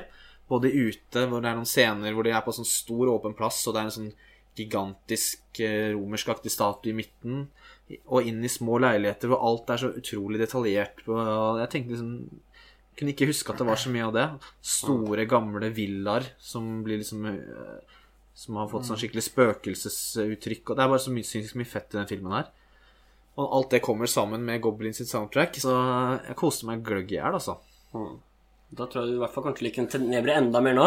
Når du Ja. på måte så glad i den, og du digger Suspiria, da Ja, for jeg, deg. kanskje litt sånn med deg, eller jeg skal ikke legge ord i munnen din, men jeg har alltid foretrukket Tenebre over denne, egentlig. Ja, jeg vil den Jeg, jeg tror ikke jeg har Suspiria Tenebre øverst, men så kommer det ikke sånn altfor langt bak. Men, Det er jo litt mer et mysterie på en måte her, kanskje. Mm. Det er jo litt det som er historien, og historien i seg selv er jo ikke verken spesielt original eller egentlig spesielt bra, og det er jo denne dubbinga som kanskje noen faller av på sånn, men nå tar jeg det liksom litt for gitt at de som hører på, er ganske interessert i film, da. Mm. Og det er virkelig ikke et stort problem når du har liksom alt det andre jeg nevnte, da, som er så bra, da. Bare, å- bare åpningsscenen, som er liksom Det er jul. Det er en sånn barnesang, la, la, la, og så bare ser du en silhuett av en kniv som hogger i er det første du ser. Og det blir bare så står det Profondo Rosso, og så bare begynner den dundrende musikken med en gang der. Og ja, jeg har nesten mest lyst til å bare ramse opp alle drapsscenene. Det er på en måte en film som en er visuelt det som er liksom kommer mest fram for min del. Og den har så mye sånne skumle og ekle ting i seg som er liksom skummelt på en annen måte, og det blir så rart når idet liksom morderen kommer, eller i det sekundet skal skje noe, så kommer på en måte prog-rocken til Goblin i stedet for en sånn hakkende, isende lyd. da Og det gjør at filmen blir så utrolig rå. Jeg kommer tilbake til musikken hele tida. Jeg. Jeg er- ble ikke ferdig med det. Det er jo det som er liksom noe av det kuleste. Liksom, alle de tre filmene vi nevnte nå, da, så er det liksom Ja, Goblins musikk som er så sinnssykt kul. Og så er det selvfølgelig et komplisert uh, liksom Å finne ut hva som skjer, og Mm. Jeg så noe med samboeren som aldri hadde sett den før, og satt jo og prøvde å gjette, og ja, begynte å nærme seg på slutten, men det er på en måte Du kommer litt ut av ingenting likevel. Uh, og det er liksom Ja. Det er bare så Ja. Det føles jo litt sånn krimelementet på akkurat Ja, det. veldig. På en måte. Hvem som har gjort det, og hva som gjør Ja, at ting og skal du blir på en måte lurt flere ganger, og 'Å ja, er det sånn?' Nei, det var ikke sånn likevel, og Mm. ja, altså, det, Man høres jo litt gal ut når man ramser opp igjen, men det er på en måte de forskjellige drapene, da. Både kokende nedi ba, i badekaret. Den hadde jeg helt glemt, den scenen. Vet ikke om du husker det engang? Eh, Det jeg husker best, er det to det som blir klemt flatt av bil eller noe. Ja, det er stemmer. Ja, det stemmer også. Ja, det er denne badescenen er jo helt crazy, og det at du ser liksom et øye, et helt svart skjerm, så ser du et øye som titter liksom til venstre og høyre, og så blir det borte. Sånn derre Og liksom Det er de tingene der at det er liksom Den, den, den fins ikke sånne filmer lenger, på en måte. Nei. Og så er det dette ekle, store villaen, da. The House of the Screaming Child, som han liksom, han hovedpersonen går til på slutten for å etterforske. De der, og da føler jeg filmen er litt sånn omasj til gamle skrekkfilmer, hvor han går i denne gamle villaen og ser bak skumle bilder, og at da liksom Akkurat som den går inn i, går inn i filmens fortid, på en måte, eller sånn Går inn i sånn som det var før. Så kommer Goblin og skrur på en, og han, han oppdager oppdager at det er noen der, og Nei, jeg har ikke så mye sånn intellektuelt å si om den filmen, men det bare er sånn skikkelig kos og Ja. Det er jo de tingene man liker for, på en måte. Sånn, ja, filmskapingen og musikken og alle Ja. de der twists and turns. Det er jo egentlig akkurat som da jeg snakket om Tenebre sist, egentlig. Føler jeg. Ja. Liksom, Og alle iscenesettingen, egentlig. Ja. Ja, men nice. ja. Da kan vi kanskje gå videre til andreplassene våre, så nå begynner det å nærme seg toppen her. Da er det altså Per sin film nummer to. Ja. Eh, På andreplass har jeg da 'Picnic at Hanging Rock'.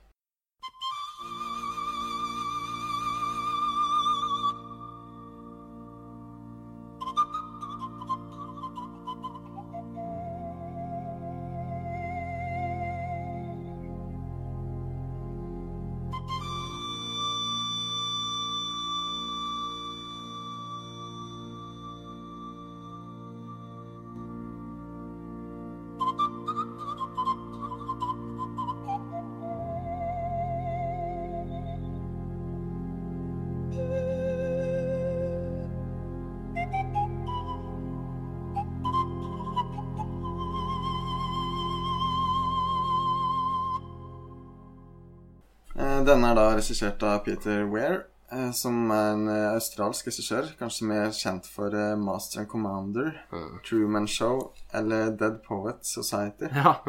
Utrolig eklektisk og snål filmografi. Mm. Truman Show er fin. det, henger ikke så, det er ikke så lett å se sammenhengende, føler jeg. Nei, kanskje ikke. I hvert fall ikke med denne her, da. Litt skiller seg ut fra de tre andre. Handlingen her er satt eh, 14. februar, altså valentinsdagen 1900. Eh, hvor en gruppe skolepiker fra Appleyard College drar på piknik på Hanging Rock, som er i delstaten Victoria i Australia. Ja. På denne turen skjer det noe som rister både skolen og samfunnet i denne lille plassen.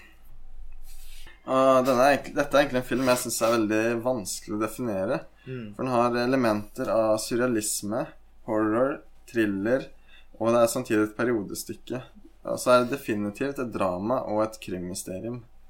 Eh, filmen er kanskje Litt romantikk òg. Ja, Bitte litt litt romantikk, jo, Ja. Litt lesbisk eh, Ja. romanse her. Ja, du kan bare si romanse 2021. Det er veldig få menn i filmen, da. Det er kanskje verdt å nevne. Det er også lov å si i 2021. Mm, filmen har en veldig drømme- eller marerittsfølelse, og åpner faktisk med en voiceover av ei jente som sier at vi ser en drøm i en drøm. Eh, og jeg syns filmen både er liksom forførende og egentlig ganske seksualisert, men kjempehyggelig, da. Eh, filmen har veldig mye rar cinematografi som på en måte underbygger dette. Sånn som han har et merkelig bruk av Dutch angle. Han har frog's eye, altså veldig lav vinkel, og så er det soft fokus, dobbel eksponering og slow motion. så det er liksom stemningen som eh, er filmen, da. Mye softfocus, så vidt jeg kan huske. Det Ja. ser veldig sånn Ja.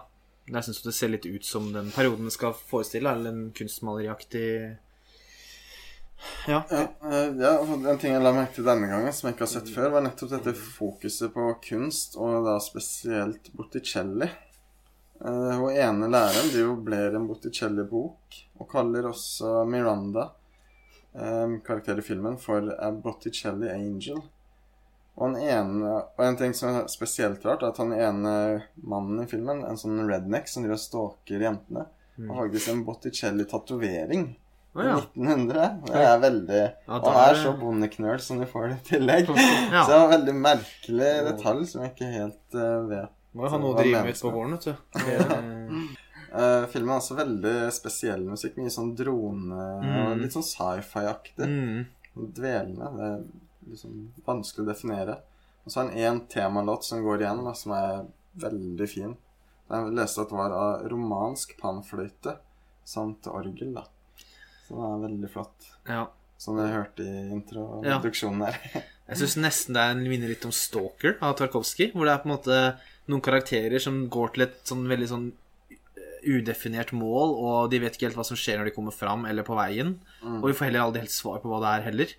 Nei, altså, altså samme bruken av sånn klipp til natur og dyr Mm. og sånn. Til. Veldig nærbilder av små maur og Mm. Det er ikke noe Truman Show, altså.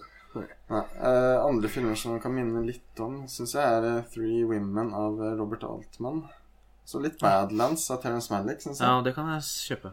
Og en som er veldig inspirert av henne, er da The Virgin Suicides av Sofie Ja. Coppola. Den Ja, er faktisk Den er ganske bra. Enkel scener som nesten er helt direkte kopiert. da. Ja. Den er veldig bra. Det er lenge siden jeg har sett den. Eller det var i fjor sommer. Jeg er for ikke så lenge siden. Men jeg sitter mest igjen med den utvetydigheten og surrealismen. På en måte At du helt aldri følte helt grep hva som skjer der. Og nå har vi nesten ikke Du har nesten ikke gått så mye inn på det, men det er kanskje poenget, da. Ja. Men den er så, den er så utrolig rar, og den, den gir nesten uttrykk for å ikke være det. Når du får et sånt kostymedramafilm det på 70, Den er lagd på 70-tallet.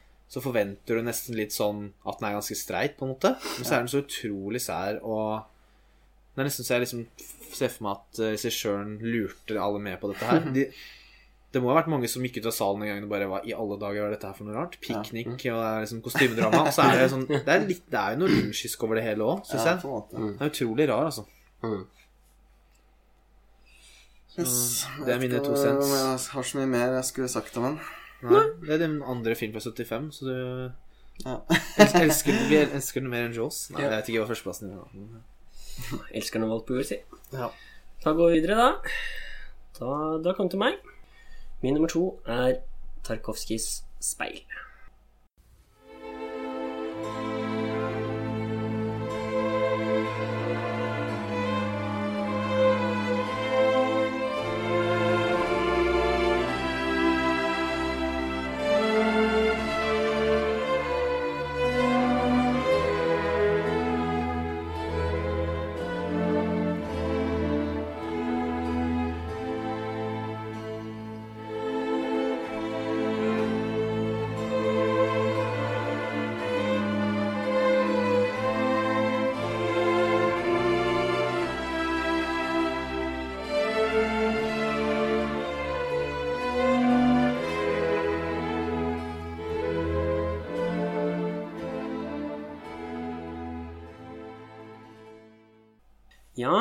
Kanskje verdens mest unike og originale film.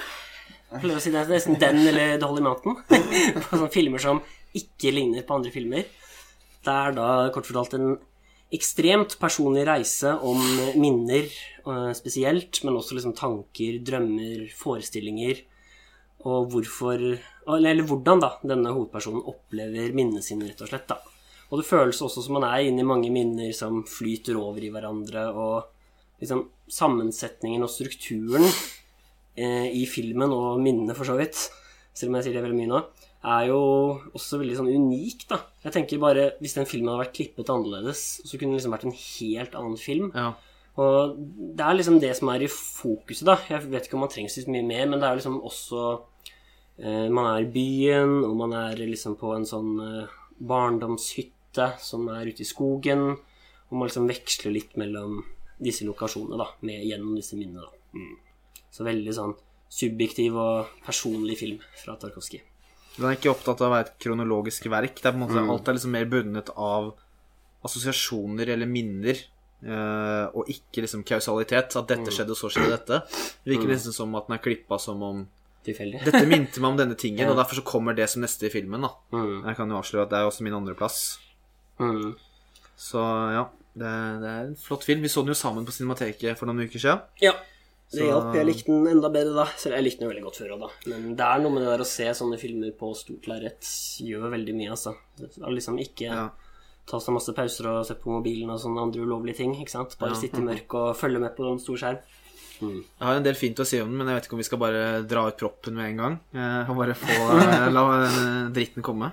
Nei, jeg har ikke så mye dritt å si om den, men det er kanskje ikke noe hemmelighet her i gjengen at jeg ikke er Tarkovskijs fan. største fan.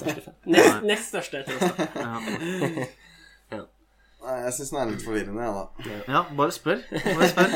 Ja, vi har svaret. Ja, da. Nei, vi kan kanskje ta litt uh, si- Vi kan jo si litt om hvorfor det er andreplassen litt mer først, da. Uh, jeg føler nesten at når jeg ser den, så er den litt mer som, som en installasjon eller filmessay. For det, det er jo virkelig det, for det er jo veldig lite som binder scenene sammen, men enda mindre enn jeg huska. Ja. Og så er den jeg er liksom ikke så opptatt av Det er mange som Tarkovskij som blir litt sånn oh, intellektuell, men for meg så er det liksom mer egentlig filmatisk og emosjonelt. Da. Jeg er ikke så opptatt av det intellektuelle der. Jeg vet ikke om det er så himla mye i denne filmen heller i forhold til mange av de andre. Nei, det er jo mer personlig, da. ikke sant? Det er jo mer sånn hans minner. Og da blir det jo på en måte kanskje også litt begrenset hvor mye du kan relatere og føle, da. Jeg føler Det er kanskje den filmen hvor du mest observerer. Mm. Av alle Tarkovskij-filmene, kanskje. Mer at du relaterer. Ja, For meg så er det ikke så viktig hva den liksom nødvendigvis betyr, for det er jo en del sånn opplesning av dikt, f.eks. Og jeg er mer opptatt av inntrykkene jeg får av det, og, hvorfor, og jeg skjønner litt hvorfor det er der òg, men det er mer det som er viktig for meg.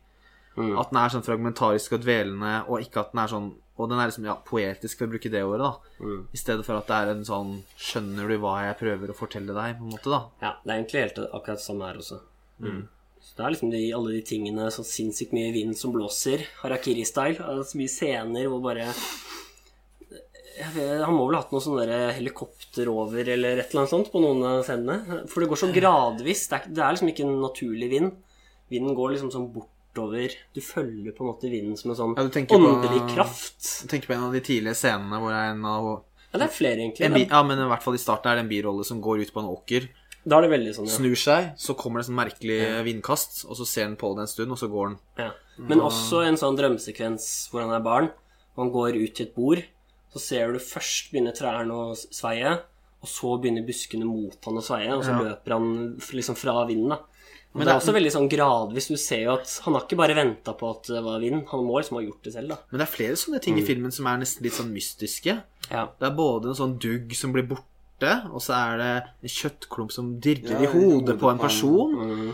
Og så er det jo dette glasset som faller ned fra et bord uten at noen har tatt på det. Det syns jeg er en av de rareste. Selv om det er det, det er på en måte Hvis dere husker den scenen, den har jeg lyst til å bare ta igjennom, fordi Ja, ja. Det eh, er kanskje det er på en måte ganske tidlig i starten her, så er en av de mine, egentlig mine, mine favorittscener omtrent. Første 20 minuttene er kanskje det er mest Ja, det er- minneverdige ja. bilder. da. For etter åpningsscenen hvor de sitter på uh, gjerdet der Nå har vi ikke sagt egentlig hva det handler om, da, men jeg kan bare veldig kjapt si at det er en hovedrolle vi ikke ser. Vi ser han mest som barn, vi følger moren hans.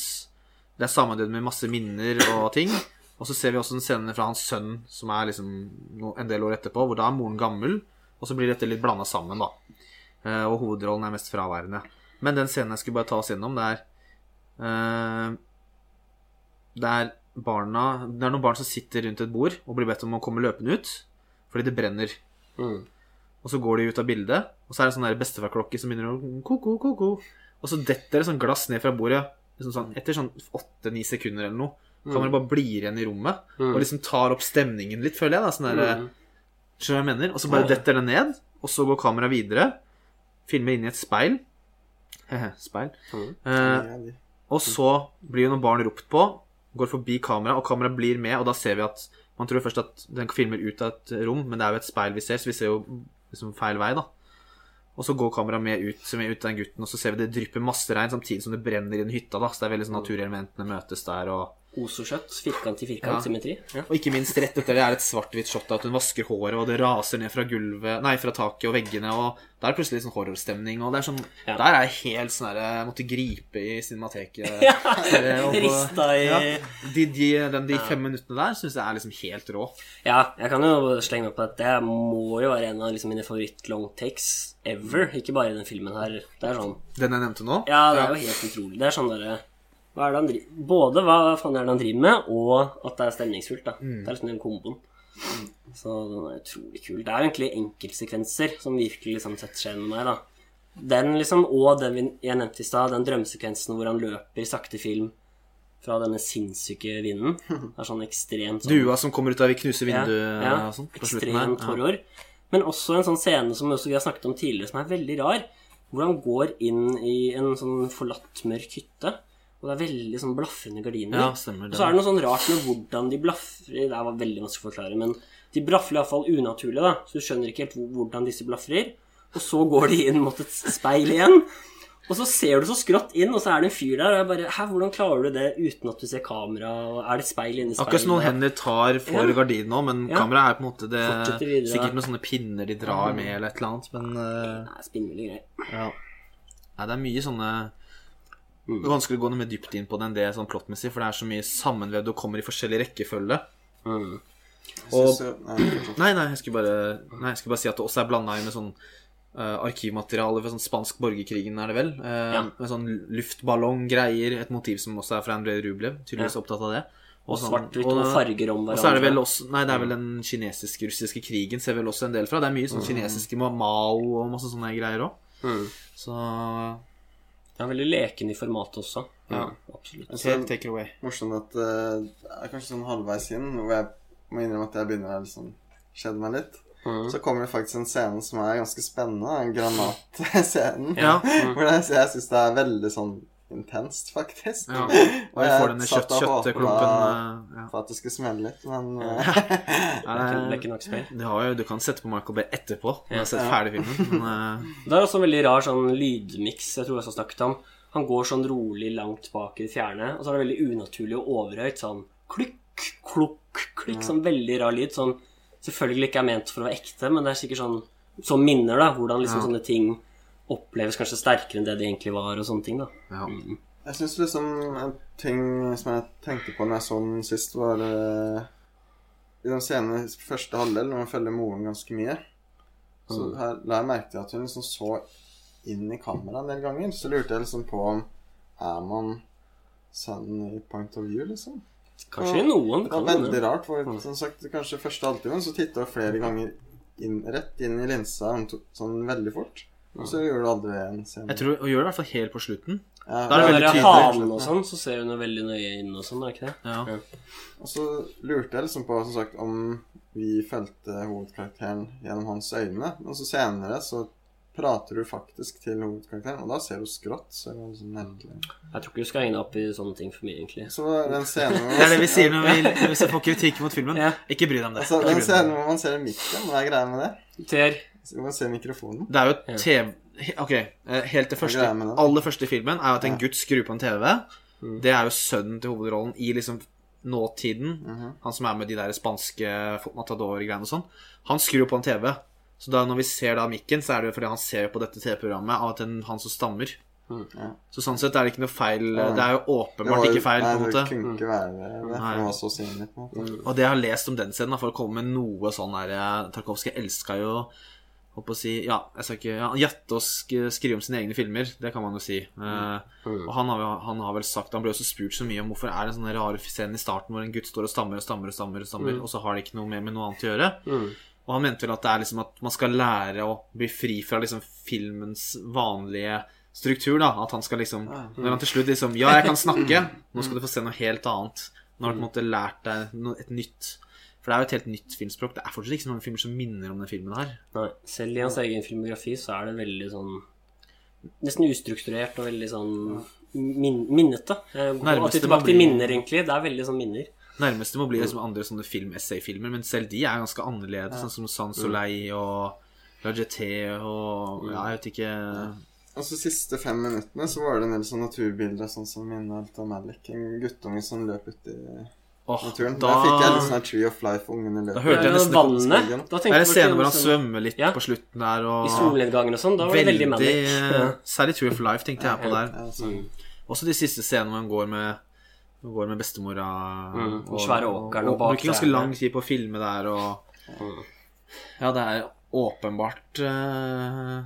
Nå kommer denne filmen etter Badlands, men det må jo ha vært en slags eh, Antar at det var en slags uh, At de var fan av hverandre. Eller Malik er jo fortsatt i live. Han har faktisk bursdag i dag, til og med, så jeg. Så Grattis med dagen, ja, Terence. 78. Flink, flink. Den tingen jeg må faktisk kritisere, som Nei. jeg, som jeg syns er verst, Here we go. det er den voiceoveren. Det er så lest rett fra et ark som du får det. Den er så Det er dørgende Men det er dikt, Så da. drepende kjedelig stemme. Det er et dikt da. som blir lest opp av faren hans, faren til Tarkovskij, på ekte. Og det er dikt han har skrevet selv, han var jo poet. Mm. Så at det blir lest opp, det syns jeg ikke er rart. Når jeg Generelt i filmen. da. Voiceoveren. Men det er ikke så mye. Det er vel to-tre ganger hvor det er dikt, vel, av han fyren? Ja, jeg tenker på noe annet enn diktopplesning-greiene. Ja, han snakker i telefonen, og så er det diktopplesning, eller jeg tenker Stemmen til Jeg trodde det var hovedperson. ass. Den Hoved, den vanlige stemmen i filmen. Ja, Ja. Det er nok diktopplesning, tror jeg. Det er der du går, går i hytta, så plutselig går du ut med de bøkene som flagrer og sånn. Da leser han opp et dikt. Ja, det er ganske tidlig i filmen. Mm. Uh, men vi hører også han prate i telefonen og ha en slags voiceover, da. Mm. Ja, det syns jeg er ekstremt flott. Ja, men det blir liksom etterfulgt av den scenen jeg sa i stad, så da har jeg liksom glemt det. Ja. Nei, det er jo litt sånn Å sette pris på russisk eh, poesi. Det er jo litt det der Kan med ikke bare prate om The Rock og Godzilla vs. Kong hver bidige uke. Det er jo litt sånn derre man, man må på en måte bli med på riden, da. Det er jo litt sånn film at det er jo kanskje ikke så mye egentlig filosofering rundt minnene og refleksjon rundt minnene. Det er jo mer det der å er av det, og på en måte suggerere seg inn i minnene. Hvis man er mer opptatt av kanskje reflektere rundt det, så vil jeg faktisk egentlig mer anbefale Solaris, for der går det ganske sånn i dybden Mm. på minner, og de har en ganske mye fine sånne filosoferende rundt det. Mm. Selv om det ikke Mens i speil har det kanskje mer det praktiske, at du viser det mye mer uten så mye forklaring, da. Mm. Så ja, det er jo litt sånn For noen er det kanskje morsommere å ha en drøm enn å høre om den. Den er. Den, er, så den er jo så utrolig fri. Jeg synes det er så deilig, på en måte. Jeg vet ikke hvordan jeg skal forklare det sånn. Ja. Å, nå, liksom, den er så, den, det er bare sånne strømninger som renner ut av liksom, hjernen til han Tarakovskij. ja, det føles jo kanskje litt forskjellig nesten hver gang man ser den. Sånn, Ja, den er Ja. vanskelig, og den er, føles litt unik hver gang, og minner ikke om så mye annet. Så Ja, det er liksom nok av enkeltscener jeg setter pris på og syns er veldig flotte sånn, men er tilsvarende like mange jeg syns er helt uinteressante. Bare små samtaler mellom folk og sånn. hvis jeg skal nevne noe jeg syns blir litt langt, så er det nok uh, morsfiguren på fabrikken. Ja, spesielt morsfiguren. Ja. Jeg tror kanskje det var det derre matadorpratet i byen. Hvor jeg kanskje synes Matadorpratet? Ja, de prater om matadorer og sånn okser og sånn. Det er ikke det ganske kort, da? Jo da, så det er ikke noe sånn problematisk. Men det var kanskje det eneste jeg kanskje ikke syntes var så spennende. Det var egentlig litt sånn grå og trist. Og så sitter alle og prater. Ja. med De vennene. Det Jeg syns det er så litt sånn kult, fordi det er så utrolig Det er ikke teksta når de snakker på spansk, Ja, tror jeg, hvis jeg ikke husker feil. Mm. Og så er det så utrolig sånn Du får bare en bit av samtalen her og der, så det er så tydelig at du ikke skal følge med på egentlig samtalen, men bare få litt den stemninga i rommet. Mm. Og det blir jo klippa med den derre uh, Alt dette med Mao og Det, er liksom, det blir blanda inn med de Matador-greiene. Mm. Så jeg syns det er veldig sånn egentlig ganske stemningsfullt. Jeg syns det med Fabrikken blir litt Etter at jeg så den nå, så tror jeg kanskje André Rublev er min favoritt. Uh, det har Mm. vært speil, men det er mulig André Rublev kanskje er litt for mye for meg faktisk nå. Ja. Ja, den er min fortsatt. Jeg så jo også den på kino. Det var veldig Ja, bra, faktisk. det- Det burde jeg egentlig tatt sett Du skulle snakke om det- Men vi har snakket om det. Men den var enda bedre, da. 66 Enda bedre! Ja. Ja, det ble en lengde på episode. Ja. Ja, men, da kan vi gå. men nå går det litt fortere, da, for nå skal vi jo ikke til Tommys nummer to, for det var faktisk feil. Så nå skal korrekt. vi faktisk til uh, Palle øverst på pallen. Ja, Så vi skal til Per sin aller største favorittfilm fra 1975. nå er jeg spent. Ja, det er da en film jeg så helt nylig for første gang. Oi. Det er 'Rollerball' av Norman Jewison.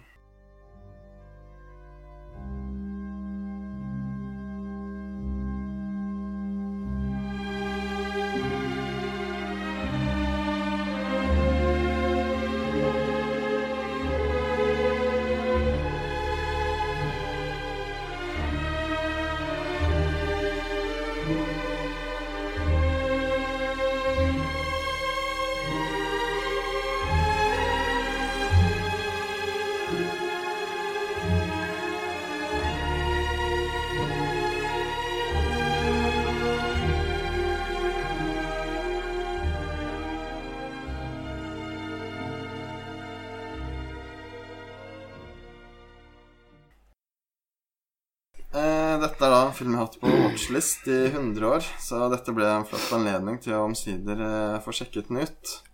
Og jeg hadde hørt at den skulle være så brutal at jeg egentlig forventet en skikkelig kul action-packed kultfilm. Men så viste, være, men så viste den seg å være veldig lite grafisk, og heller være brutal i dens eh, dystopiske syn på fremtiden. Ja. Og dette er egentlig en veldig seriøs film, da, det hadde ikke jeg venta. Og dette er laget av en fyr som, samme fyr som lagde In the Heat of the Night, Moonstruck og The Hurricane. Men det er vel han som Ikke også har den der, Er det ikke han som også har den derre Nei, jeg husker, jeg husker ikke. Stryk det. Ja, men uh, Jesus Christ Superstar. Ja, det stemmer. Men den har jeg ikke sett. Uh, vi befinner oss i en tid hvor sporten rollerball har blitt ekstremt populær. Og det er en slags amerikansk fotball på rulleskøyter og motorsykler. Eh, man må plukke opp en metallkule og skåre en tube mens man raser av gårde i en sir sirkelformet bane. Turneringen blir bare hardere og hardere desto lengre man kommer i turneringen, og til slutt er det omtrent ingen spilleregler, og det er faktisk lov å drepe hverandre utpå matta.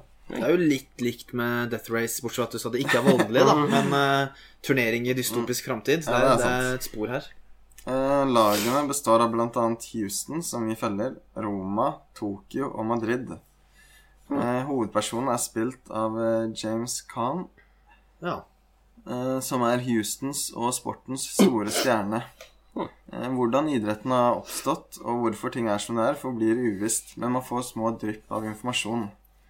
Istedenfor nasjonalsang før kamp, så spilles det en corporate hymn, og det refereres til en tid hvor det bare var tre land. Og en, kom, en Company Wars nevnes flere ganger uten at det blir fullstendig forklart. Det gir filmen en viss mystikk, og man finner ut at Big Company styrer samfunnet, og folks frihet er begrenset. Eh, Superstjernene i laget kan f.eks. umiddelbart fjernes. Og det samme kan utøvernes kjærester og familier også, om de ikke er lydige. Squid Game, nesten. eh, Siste, siste du sa der. Ja, Så den er pakka inn i litt sånn å si, law, uten at Du får ikke vite alle detaljene, som du sier. da Du, Du får sånn drypp, sånn sett. Små hint og sånn, men eh, ikke Man får ikke aldri hele historien, da. Nettopp. Altså, produksjonsdesignet, arkitekturen, kostymer og teknologi føles som en krysning av eh, futurisme og 70-tallet. Ja. Det er overraskende mye snakk om datamaskiner til å være 1975. ja. Eh, foto er helt nydelige, og filmen eh, var, helt, var ikke som forventet i det hele tatt, egentlig. Nei. Det Den er ganske saktegående og har en del eh, komposisjoner med stillbilder av arkitektur som minnet meg mest om eh, Bertoluccis Il Conformista fra Ja. 1970.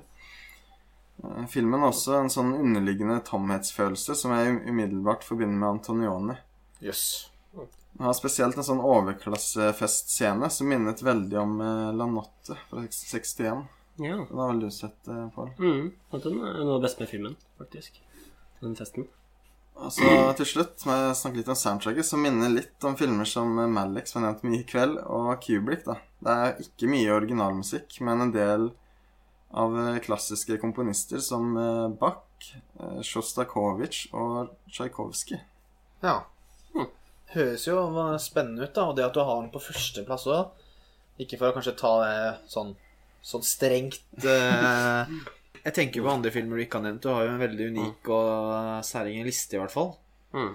Men den høres jo spennende ut, da. Men eh, den er så bra, på en måte? Eller som du Altså Det høres ut som en av de beste filmene du har sett på Nei. lenge, da. Det er det ikke. Det er liksom Beste film fra 1975. Det er veldig sterkt år. Ja. Ja. Ja, jeg vet ikke om det er aller beste. Jeg har også valgt å se filmer som trengte et rewatch, men det er helt klart tre filmer jeg er veldig glad i, da. ja. Og ja, denne var liksom så stor overraskelse at jeg følte jeg måtte trekke den frem, da. Ja. Mm. Og når, jeg, når du sa Death Race i stad, så tenkte jeg på denne. Jeg blanda det jo. Ja. Så det, men eh, Får den her du egentlig tenkte på, tror du? Ja, for liksom begge er liksom Eller det ene er idrett, og det andre er race. eh, og det er liksom dystopisk framtid og sånn. Men nå sier han at den ene er veldig voldelig, den andre ikke er det, da. Så Den var mer roliggående og Den har jo Kanskje mer sånn bra, på en måte? Den, Sånn, dette er jo en andre mer er- køddete. Ja. Ja. Dette er jo kanskje en film noen andre ønsket å lage, da. Mm. Produseren. For den, er, den har jo disse sportsscenene som er ja, ganske standard og kanskje ikke så interessante, men Og litt trodde, tematikk, kanskje. Ja. ja, men jeg trodde liksom det skulle være fokuset i filmen. Så er det egentlig alt rundt da med dette Big Company-opplegget, og ikke Mm. selve ja, disse matchene mellom Tokyo og Houston. Da. Ja. Mm. Nei, det høres spennende ut. Mm. Ja, dessverre har jeg ikke sett noen av filmene, Per, så jeg kan ikke bli med, Ja, bli med på tre. praten. Det er litt sånn fremmedgjørende taktikk. Ja. Som eh, Kan han, han kan hate på våres, men vi kan ikke ta han. Ja. Det var den eneste filmen hvor man liksom satte seg ned for å Nå skal jeg si noe negativt, på en måte. Vi får ikke sagt noe på rollerball. Det det er litt synd. Nei, Ja, Men bra. Spennende. Det hørtes spennende ut. Vi får si fra hvis det er noen lyttere som har sett den. Får si fra. Yes. Det er det Eh, sikkert. Vi har jo en B- B-film-fanatikere i Mm. follower-lista. Nice. Da er det min førsteplass, og selv om eh, Terror of Mechagodzilla lå lenge og lå an til å vinne, så ble det Stanley Kubricks Barry Lyndon.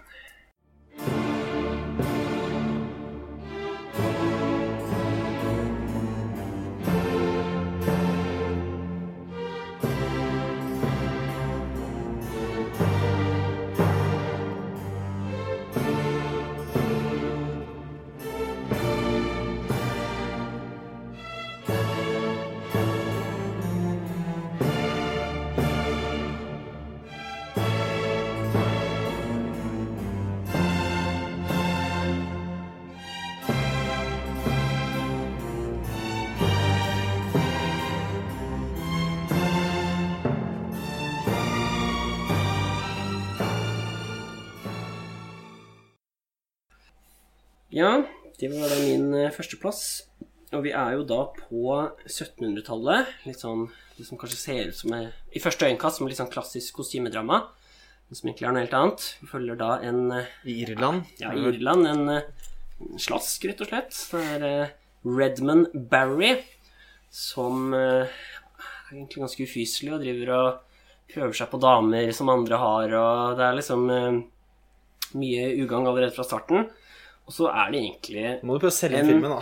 Hva skal man si? Ja, men det er jo egentlig bare en, en episk reise som han går ut på, da. Det er jo egentlig det. Det er jo Rise and Fall de luxe, på en måte. Det er det. Veldig. Det er jo egentlig det, så- Jeg vil, jeg vil ikke, ikke for å kritisere, men jeg ville liksom ikke sagt ja, det er film, film og fyr som prøver seg på damer. Du må liksom ja, du må prøve å Dette er virkelig et episk mesterverk, og helt klart min førsteplass, da. Ja, ja. Å, Jeg har masse gloser, men jeg bare hadde ikke så mye Jeg hadde ikke skrevet synapsis. du må, må, dra på fra start, vet du. Må dra på fra start. Ja, for det som er bra med denne filmen her, da, det er, jo, det er jo selvfølgelig at den er ekstremt vakker. Ikke sant? Det er jo det som på en måte er noe av det aller beste med denne filmen her. Og ja, altså, det ser ut som altså, Hvor skal man begynne? Altså Man kan begynne med første scene. Det er, bare, det er, det, det er nesten den fineste åpningsscenen jeg vet om. Ja, den er fantastisk. Det er liksom to som står i en duell eh, med hver sin sånn gammeldags eh, pistol, da. Ja, Sånn duellpistol. Ja, og det er liksom litt langt unna, og så er det en slags gammel, ødelagt gjerde, rest av et gjerde foran i bildet, Mm. som er liksom sånn snir eh, sirkel eh, S, litt sånn snirklete forma. Som liksom veldig sånn komposisjonelt. Og så er det et veldig stort tre på venstre side. Det har jeg sett noen del ganger. Samtidig som en voiceover på en måte Nå kupper jeg veldig. Men samtidig som en voiceover Ja, liksom men- forklarer hva som skjer i duellen, og veldig morsomt og sånn ironisk ligger foran det som skjer. da Det skjer jo flere ganger i filmen også. Mm. Forteller hva som skjer før det skjer. Ja. Uh, ja. Men fortsett, du. Jeg skal Mm. bare begynne med Nei, jeg starten. holder det. Vi kan jo ikke bare begynne å snakke om filmen, egentlig. For det er jo sånn Ja, det er jo egentlig bare ting man liker med filmen, egentlig. Og det er jo disse bildene da, som er helt fantastiske, og hvordan han også opp, veldig ofte starter mot liksom focal pointet, og så zoomer sakte ut. Og du har veldig sånn Veldig lite dybde i de bildene, så de ser ut som malerier fra 1700-tallet. Og det er så sinnssykt vakkert. Jeg føler jeg på en måte ikke kan forklare det nok, egentlig. Hvordan liksom Hvor fine disse bildene er. Det er sånn ord blir fattige. Og Ja. mange av de er inspirert av flere kunstnere jeg har sjekket ut her. Eh, Thomas Gainsborough har veldig mange av bildene i filmen. Johan Sofani er det. Og mange av kostymene er inspirert av Joshua Reynolds malerier. Og så er det også kjente malerier til George Stubbs Eclipse med denne her hesten. Hvor Ja. står en fyr foran. Den også, har han også en klar referanse. Så det er ganske kult. Egentlig hele det forarbeidet Det er jo egentlig opprinnelig sånn kostymetesting egentlig til Napoleonsfilmen han aldri fikk laget. Ja. Men det er utrolig kult at han har allikevel gått så sinnssykt i dybden på rett og slett billedkunsthistorie, da, som jeg vil tro i hvert fall oss tre er litt over gjennomsnittet interessert i, og bare bruker så mye referanser fra den tiden, og det, ser så bra ut. Ja. Det er litt sånn fælt at han aldri fikk lagd den Napoleon-filmen som han skulle lage med tanke på hva vi får her, men vi fikk jo virkelig ikke noe svakt her heller, da. Nei, nei, nei. Dette er jo en av mine absolutt favorittfilmer, og man blir jo nesten litt sånn Det blir mye repeterende i forbindelse med at jeg hadde jo The Shining som i nummer 1 1980, og det er en helt annen film, men det er likevel mange av de samme tingene som gjør at jeg er denne glad i denne her, da. For det er på en måte den der den dominerende regien hans, den derre stålharde regien og den selvtilliten han på en måte viser i filmskapingen, da. Og den Det er på en måte en sånn perfeksjon som for noen kanskje blir litt for perfekt og firkanta, men for meg så er det bare en sånn nådeløshet, eller hva jeg skal si, da, ved de, hvordan han presenterer filmen, Nei, og de maleriske tablåene som Ja. liksom gjør det så utrolig bra. Det er av natur, da, så det kan jo kanskje hjelpe litt. At det på en måte Det blir jo litt mindre kjølig når det er så vakkert, tenker kanskje jeg. da Ja. Når det er sånne komposisjoner med liksom trær og landskaper og hav og hester og, og alt er så sinnssykt bra. Hvordan har funnet, man har altså funnet sånne helt sinnssyke trær som har sånne rare former jeg, i mange ting. Og så den du- duellen senere, eh, hvor de faktisk har duell, han Barry Lynn for første gang. Også sånne utrolig fine trær som liksom er komponert inn. Og han har liksom du- ikke tatt random locations i det hele tatt. Sa du at det ble mindre kjølig av det, eller hørte jeg feil? Ja. Ja, nei, jeg synes ikke det. Jeg synes synes den er superkjølig. Jeg syns den blir mer sånn livlig enn flere av hans andre filmer, faktisk. Siden det er så synes- vakkert. Ja, det er veldig vakkert, Mm. men jeg føler den er så Ja, de skal kanskje ikke diskutere det. Eller det er kanskje akkurat det vi skal. Men jeg bare syns den, er- synes den er veldig kjølig, med tanke på at karakteren er så flat og på en måte tørr. Og han i det store naturen. Og jeg føler filmen handler liksom ikke, ikke egentlig om han. Den bare Den klarer å formidle noe annet ved, ved hvordan den er laga, hvis du skjønner hva jeg mener. Ja, da er den- jeg ganske uenig, faktisk. jeg syns jo det er nesten kuleste er hans sin reise, da. Det er jo litt sånn Han lærer jo eh, ingenting. Nå Andrew blir det. Ja, på en måte, da. Så jeg vet Men uh... Men jeg, jeg, syns jo egentlig han Jeg vet ikke om jeg er helt enig med Tommy. Jeg, jeg egentlig syns han er en ganske sterk karakter, og det er en av Mm. Kubrick-filmene hvor jeg faktisk føler ganske sterkt for ja, sånn, hovedpersonen. Spesielt i den mm. den skyteduellen litt ute i filmen, hvor jeg husker ble rasende første gang jeg så den. ja, ja. Jeg syns han er skikkelig sånn antihelt, egentlig. Og Ja, er- det er kanskje den første virkelige filmen hvor liksom, Kubrick har veldig mange gode karakterer og skuespillere, syns jeg. den fantastiske fortellerstemmen. Jeg syns også hun Lady Lyndon spiller ganske bra. Så hun er veldig sånn fysisk. Veldig sånn, Veldig slått. Og hun har nesten en sånn mm. possession-scene som er utrolig fin. Hvor hun prøver å forgifte seg selv og er veldig sånn fysisk skuespill. Utrolig scene hvor hun sitter i Eh, badekaret, og så, så mens det zoomer ja. ut. Det ser i hvert fall ut som et maleri. Og så har du jo eh, lord Bullingdon, som kanskje er filmhistoriens største beta. Han skikkelige drittungen. Spiller er sykt bra. Han blir også faktisk Red Cloak i Ice White Shut, faktisk. Ja, Remove Så- your cloak til Tom Så Cruise. eh, jeg bare Nei, jeg bare jeg, altså sånn, Det er jo der veldig mange ofte faller av Berlinen. De sier sånn Ja, den er vakker, men jeg, føler liksom ingenting. Men så jeg synes liksom Det er derfor den kommer liksom enda høyere opp for meg. da For i tillegg til at den er så sykt vakker, så digger jeg på en måte hele den reisen til Berlinen. Han er en skikkelig kul eh, slask og antihelt. han og du hater han drittungen, liksom. Selv om Ja, ja. selvfølgelig har drittungen rett, men du blir sånn Du vil at Berlinen skal ta den, liksom. Jeg tror han må like litt sånn drittsekker for å Ja. sette pris på han. Han er jo Ja. veldig morsom, da. Ikke sant? Men, men må bare misforstå meg rett, for jeg mente ikke at liksom, han er uinteressant, eller at jeg ikke liker han, eller sånn. Jeg mener egentlig mer at han er på en måte nesten en sånn avatar for et mislykka menneske, på en måte. Ja. Ja. mer enn at det er så viktig hva han gjør. Ja, den er ikke så viktig. Og det er jeg enig i at han har veldig spennende moral der, fordi det som er interessant, er jo at på en måte jo fælere og slemmere han blir, jo bedre går det. Men når han endelig skal bli snill, og på en måte skyter i gulvet og liksom 'Nå skal jeg gi meg og bli snill' Ja, dette blir masse spoiler. Så tar jo drittungen og skyter han. Ja, det er og da går hele livet hans til dass. Så det er så morsomt. Dette er sånn den filmen som på en måte er minst karma. Det er ikke noe sånn gode gjerning og gode gjerninger. Mm. Nei, og det er bare sånn virkeligheten er. Ja, ikke sant? Det er så kynisk, da. At bare han er drittslem og sleip, og du bare ser han får det bedre og bedre og morsommere og morsommere. Og så prøver han på slutten å lære en lekse, som alltid og veldig ofte Hollywood-filmer skal gjøre. Nå skal du lære en lekse, og da bare går det helt til helvete. Så det er sånn Det er en veldig interessant Rise and Fall, da, sånn sett. Og helt klart min favoritt Rise and Fall pga. Ja. av de tingene der. Mm. Det er kanskje greit å nevne sånn rent teknisk. her. Han brukte ikke Kubrick en sånn spesiell lense for å flate ut bildet. Ja, for han fikk jo låne linser fra NASA. Ja. For å gjøre det flate ut, som du sier, men også disse ville zoomene. Og det er så mange av dem. Du var inne på det, men Og Det det, er nesten alltid zoome ut. Ja, det det, er veldig sjelden zoome inn. Mm. og det er jo en mye kulere måte å gjøre, gjøre det på. Mm. Fordi eh, da du starter med et spennende bilde, men så blir det bare mer og mer. Ja. Og det er så mange av dem. Mm. Og ikke for ikke snakke om liksom all bruken av klassisk musikk Mm. som går igjen og igjen, og det er noen spor som går igjen og igjen, og jeg syns det, det gjør Jeg vet ikke, det er jo ikke noe musikk han har laget engang, men det er den sammensetningen. Han viser hvor dritbra han klarer å sette sammen, da. Ja. Første er jo nesten litt sånn føler jeg er nesten sånn middelalderaktig. Det er sånn, Den høres ut som nesten er eldre enn 1700-tallet. Kommer til at det er helt på jordet, men etter hvert blir det mye mer klassisk. Den der fløyta Ja. Men eh, ja, det er kult. Også selvfølgelig kostymer også helt utrolig. Det er også veldig mye inspirert av malerier og sånn fra den tiden, da. Så bare, bare det også at han har funnet noen ansikter som passer så bra inn, da. mm. Det er på en måte en ting man nesten ikke tenker på. Man er, det er veldig lett å snakke om kostyme og musikk og alt det her, men de, de ser ut som de hører hjemme der. Han er presten, for eksempel, hvis du husker han. Det der lange, Ja. smale ansiktet. Han, altså, han, han er på søt- Han Han tror sånn- jeg fins på 1700-tallet. Han ser ut som det er mange sånne malere på den tiden og sånn. Som Ja. malt seg selv. Mm. Så det er liksom Til tross for at den er så utrolig på en måte Kunst er kanskje feil ord, for det er jo alle disse fine naturskildringene, men det er noe sånn skummelt eller sånn, Det er noe som er litt off, samtidig som det er Fordi den kjøligheten treffer den naturen, da. Men likevel så er det bare så utrolig vakkert og Ja, nei, det er en sprø film, egentlig. Den er liksom litt annerledes hver gang. Men den treffer meg alltid som en flodbølge. Ja. De der tittelkortene som kommer eh, hver time, og bare rett i trynet ditt og Nå skal det skje noe. Ja. Og så er det jo veldig bra tension også før den her duellen, da. Det er jo Masse. en av Når han går så sinnssykt sakte, og du følger dette Kubrick-shotet som han ble så kjent for i Pats of Glory.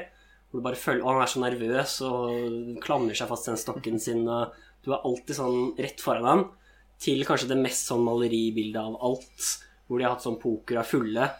Og Ja. Berlinen henger sånn ned. Og da, da er det sånn du faktisk tenker sånn Dette er, det må jo være et maleri. Men nei, så ser du liksom han lord Bullington gå inn fra ja men, altså, den scenen der, ja. Den er helt utrolig. Den må man ha brukt lang tid på å lage. Mm. Det er kanskje den filmen som best klipper liksom til et annet shot, hvor det bare blir så liksom, imponert av hva du ser. Det er en veldig dårlig måte å forklare det på, men jeg tror du skjønte hva jeg mente. Ja, Sånn, for det var liksom overgangene, først, take, ikke sant? ja, overgangene. Og så gikk det Du aner ikke hva du får neste, og så plutselig har det gått noen, en tid, og så er du et helt annet sted, og, Ja. og så er han så nådeløs, da. Mm. Det er liksom, som du sier, ingenting går bra. Han er en drittsekk.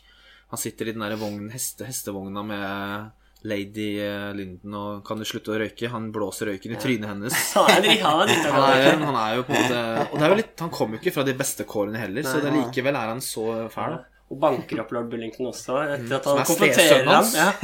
Du bare, Han ser han er så sint lenge, og så bare Og så har jeg lagt på så sint høyt òg, de slagene. Dung, dung. Gir seg ikke, liksom. Uh, og så må jeg trekke fram en ting til, og det er kanskje mitt favorittklipp også. Nå er det mye sterke ord her i dag, men 1975 er et sterkt år. Og det er når sønnen ligger på Ja, helt enig. Og er, det, er, det er faktisk veldig trist. Du begynner faktisk kanskje for første gang å faktisk få litt sympati med Berlin. Da. Det er Ja. veldig sånn 'herregud, barnet dør'. Det er så trist. Og så har du denne fantastiske eh, klassiske stykket Sarabande, som spiller sånn Dritfint. lavt i bakgrunnen. Og akkurat når på en måte er- Man kan kanskje ikke bruke takeoff i klassisk musikk, men når på en måte Ja. Det store musikket kommer, så klipper du rett til en barnekrybbe. Ja. Og så får du i tillegg det der Zoom som Ja. går ut, og folk gråter, og det regner, og Det er bare sånn Det er tidenes klipp, Det føler er det jeg mener med Ja. nådeløsheten og du overgangene. Ja. Du får den derre du, du Så ser du bare barnekrybba. Altså, ja, nå, spoiler vi dritten av filmen, så vi, vi, bør, vi bør kanskje sette på en warning på Instagram. Det er men, eh, visuell historiefortelling, så jeg nesten ramler av stolen. ja. Jeg tenkte jeg skulle nevne det uten å nevne Thomas det var sudden, men du gjorde det, så da, da, da er katta ute av sekken. Så ja, det er en av mine det er de tingene der, egentlig. Det var det, det var det shot jeg tenkte på når jeg snakka om dette med overgangene liksom, og musikken i flyten. Så jeg tenkte jeg ikke skulle si det så nøye, men da fikk vi spoila det. Ja. Man bør vel ha sett den filmen her. Ja. Hvis du ikke har sett den nå, så er det bare skru av, egentlig. Det er litt seint å skru av nå, men eh, Det anbefales meget varmt, og det er jo selvfølgelig ikke noe overraskelse. Hvis du er såpass interessert at du hører på, så er jo Kubrick en selvfølgelig en no-brainer, og dette er jo Selv om den filmen blir litt undersnakka på noen måter, så er det jo Ja. Helt der oppe, liksom. Det er nok det at jeg tror ikke alle er med på liksom reisen. Jeg tror det er det, for jeg tror alle liksom er enige i at den er helt sinnssykt bra laget og ser sinnssykt vakker ut, da. Ja. Så det er litt med den du klarer å bli med på reisen, og jeg gjør det så til de grader. Ja, ja. Jeg syns han er en så sinnssykt kul antihelt, og jeg liker de andre karakterene, og hele den Rise and Fall er så interessant, da. Det er en veldig spennende historie han går gjennom. Men det er også kanskje litt den der eh, terskelen med å sette på en tre timer lang kostymedramafilm også. Mm. Hvis noen av lytterne liksom er litt på gjerdet, da. Men nå har vi jo virkelig hedra den. Han er underholdende, ass. Det er slåsskamp inni der, og det er mye moro. Gambling og ja. Man føler virkelig man drar til 1750 i Irland. Mm. Det kan man si. Men vi kan jo ikke gi oss der, selv om listen er over. For vi må jo gråte litt også. Nevne de stakkars filmene som ikke kom med, og prate litt, prate Ja. litt om de. Vi eh, bør vel eh, Sånn at vi ikke får noe pepper for det, for det er jo en del filmer vi ikke har nevnt nå. Så vi bør jo nevne de sånn at vi kan si at ah, vi, stadig, vi nevnte de på slutten. Vi kan snakke litt om de vi likte best, da, som var nærmest kanskje Honorable Mentions. Så kan vi heller bare ta tittelen til slutt. Det er kanskje en jeg vil trekke frem som føles som en naturlig overgang. Det er uh, Love and Death av Woody Allen. Ja, den er god. Både er litt Napoleon-tid og Det er jo Skytedueller Hans Barry Linden. Ja. ja, den er jo en av hans morsomste filmer, egentlig. Ofte hatt den på min sånn Ja, ja jeg vil kanskje si topp fem. Samme, Eh. Mm. Jeg tror det òg, faktisk. Veldig litt mer russ- russiske Det er liksom mye Dostojevskij og Tolstoy-referanser hele tiden der. Ja, er og mye filosofi og sånn, men eh, det er jo faktisk mye Napoleon inni der. Det er Napoleon er jo med i filmen. Ja, det er jo Han kriger mot Napoleon. Ja. Og alt som alltid veldig mye morsomme manusting, og mye morsomme ting han sier i litt sånn absurde situasjoner, og klarer liksom å gjøre den veldig morsom gjennom hele filmen, egentlig. Det er kanskje litt overgang fra slapstick-perioden han hadde til den uh, Manhattan Ikke Manhattan, eller Annie Hall-perioden, da. Litt overgangen der. Den er- har både slapstick, men også at, som du sier, man At det er liksom replikkene som er humoren, ja. Kulturreferansene. Kulturreferansene. Mm. ja. Det er morsom, den. Den uh... Den som var nærmest for meg, tror jeg var Gjøkeredet. Så den var trist ikke for ja, meg. det er vel den Den filmen som vi. Mm. Den filmen som vi kanskje hadde fått mest uh, pepper for ikke nevne. Ja, den er jeg veldig glad i, og jeg, den er liksom rundt Det er liksom blant mine favorittfilmer, den òg, og syns liksom noe av det aller beste Jack Nicholson har gjort, og bare hele den filmen med institusjonen og hun uh, slemme slemme Nurse Ratched er jo en av tidenes villains også, så det er ganske bra sånn dynamikk med de, så det er en film jeg ja, liker veldig godt. Ja, den, er, den må man nesten si litt om, føler jeg. Det er sånn Den er jo laga Vi har jo vært inne på det litt før i 1980-episoden med den derre Når eh, Hollywood-regissørene kunne Hadde sett litt mer europeisk film og kunne være litt mer mm. Og dette er for så vidt laget av Milos Forman, som er en europeisk regissør, da. Men mm. satt i et litt sånn amerikansk system, men veldig sånn autøraktig likevel. Den bare har så utrolig Den er bare så utrolig fin og smart og har så bra payoff, og den er bare sånn Alt er egentlig bare dritbra. Mm. Ja. Det er mest Veldig det at- feel good, men også Ja. dypt tragisk. Ja, en kombo av det, egentlig. ja. Feel good, men tragisk. Mm. Og så smart da, på en måte. Du, liksom, første gang du ser den, så får du en litt sånn aha-opplevelse, egentlig. Veldig sånn Det film var blant de første jeg så, tror jeg, sånne klassikere, faktisk. Mm. det er, det er vanskelig å si noe negativt om den, og det er jo det er jo på en måte bedre enn Deep Red og ja, det er Verre med han karen på sida her.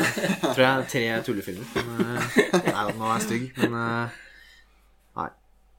Ja, det er bare hard konkurranse, liksom. Ja, vi må jo Men altså, Pål, du er jo virkelig gjengens store Flåklypa Grand Prix-fan. Hva skjedde?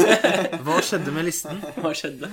Nei, jeg, jeg, jeg husker når jeg så gjennom filmene, så, liksom, sant, og ja, Godzilla, som jeg nevnte i stad, og Flåklypa, så tenkte jeg ja, vi skulle tatt topp fem, vet du. Vi skulle, Ja, ikke sant? Vi skulle tatt Ja. topp fem. Så nei, det er jo en fantastisk film. Jeg vet ikke hva mer det er å si. Det er faktisk ikke ironisk. Jeg er faktisk veldig glad i den. Du Jeg syns den er veldig god.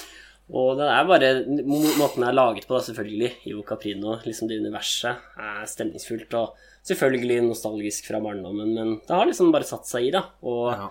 nå som har lært litt mer om film, så er jo liksom stop motion med det siste bilracet dritkult, da. Ja, Det er noe som trekker fram, og det er veldig bra laget selv i dag, da. Mm. Når liksom de starter, og den gummien liksom blir svidd av Mm, eh, asfalten og sånt. Ja, både gummi og asfalten okay. asfalten flerrer opp. Og Da tenkte jeg nå er norsk film eh, i siget. Det er mye detaljer og liksom dokker som skal vri hodet frem og tilbake og Ja. blunker, og det er, veldig, det er mye som skjer. Veldig sånn morsom, men bra teknisk laget film, da. Mm, Ja, alle detaljene på bilen og alt det Det er liksom litt rart å gå i dybden på den, eller litt bitte litt i dybden på den, men det er jo på en måte Og stemning egentlig òg, da. Det er jo veldig fint eh, sånn soundtrack og solnedgang og Ja. Du ser jo liksom disse her klippene og Det er bare veldig sånn fint og koselig. Ludvig som sitter og filosoferer i vinduskarmen. Ja. Koselig. Koselig film. Ja. Det tror jeg er no nummer én. Det ser jævlig cozy ut i den der varme senga. Solan og Ludvig ligger der, og kan jeg ligge ytterst? Kan jeg, hvem kan ligge innerst og sånn? Ja. Eh, En nasjonalskatt. Vi har, må vel nevne litt flere. Har du, du har, jeg ser du har en liten liste der, Per. Ja, en ganske lang liste med det bare over å- 20 titler her. Ja, da må nesten nesten bare begynne å ramse opp. Eh, hva med en film jeg vet du også så kanskje det siste året, på? Eller The Passenger av Antonioni. Også Mm. med Jack Nicholson, som vi har vært innom. Ja. Tenk han hadde den og Gjøkeredet samme år. Ja, Den uh, syns jeg er veldig fin. Den er en av mine favoritt-long takes. da Mm. Ja, det siste? Ja. Så det er veldig imponerende hvor kameraet går gjennom et gjerde på et eller annet vis. Mm. Eller gitter, mener jeg. Jeg har lest jeg tror de hadde løse gitter. Ja. Så kameraet går inn, og så tror jeg de tar det av Det var veldig komplisert, i hvert fall. Det er sånn de står først dritlenge på et soverom og ser bare Jack Nicholson sover. Og så går det liksom ut gjennom sånne fengselssprinkler. Ja. Og så snurrer den rundt masse, og så går den tilbake mot de sprinklene og sånn. Det er helt vilt. Jeg, liker det er sånn man ikke forstår hvordan man har fått det til. Ja. Det Og Antonioni er vel ikke så kjent for sånne virtuose ting, egentlig. Han er mye mer kjent for liksom karakterer og kanskje mer sånn komposisjon da, mot liksom bygninger og Thomas-følelse og sånn. Så jeg var veldig tatt på sengen Jeg bare en sånn Tarkovskij-shot nesten, midt inni en, en sånn type film. Jeg liker at du gestikulerer så mye når jeg sitter bare med lyd. Jeg er lyd. jeg Vi fikk veldig detaljert med eh, gjerde og kamera og rundt, og du var veldig sånn, så lytterne får bare se det for seg. Å Tenke, tenke. Mm. Jeg har ikke sett den, så Men det er vel kanskje den aller tregeste filmen han har òg, da. Det kan kanskje sies at selv jeg, som ikke har problemer med tempo nesten aldri, syns kanskje noen sekvenser var litt treige, da. Det er sånn han bare er setter seg ned, setter seg ned og bare ser ut, liksom. Det er, det er litt sånn Satan Tango på noen av de scenene, faktisk. husker jo en fellesvenn Carl sa at det var den Ja, kjedeligste skulle sett i sitt liv. Ja. Jeg tok med ham på Cinemateket, og han var ikke fornøyd. Starta med den litt. Ja. Ja. Nei, da fikk vel traumer. Fortsatt, derfor han fortsatt ikke har sett Parasite, kanskje. Men det er noen morsomme ting Det er jo en scene blant annet hvor eh, du tror du er tanken hans. Han sitter og fikler med, og så er det voiceover. Og så zoomer han lenge ut, det er sånn longtake, og så ser du det er en sånn kassettspiller. Så han hørte på sine egne tanker som han spilte inn. Det er så liksom morsom, eh, morsomt grep, da. Ja. Han lurte. Så det er litt sånn eh, Jeg har sett mest de gamle Antonione, da. Ja. Så jeg syns det var ganske Oi, her var det mye, mye nytt. Mm. Jeg liker den godt. Neste, Per. Du har 22, 21 filmer til, så da får du bare Vi kan fortsette i Italia, Det blir en lang episode hvis vi skal fortsette dette tempoet, tror jeg. Ja, i Salo fra Italia også. Ja, den er jo, ja, som vi skrev på Instagram, b brorfilmen, eh, søsterfilmen til Flåklypa. Ja. Ja.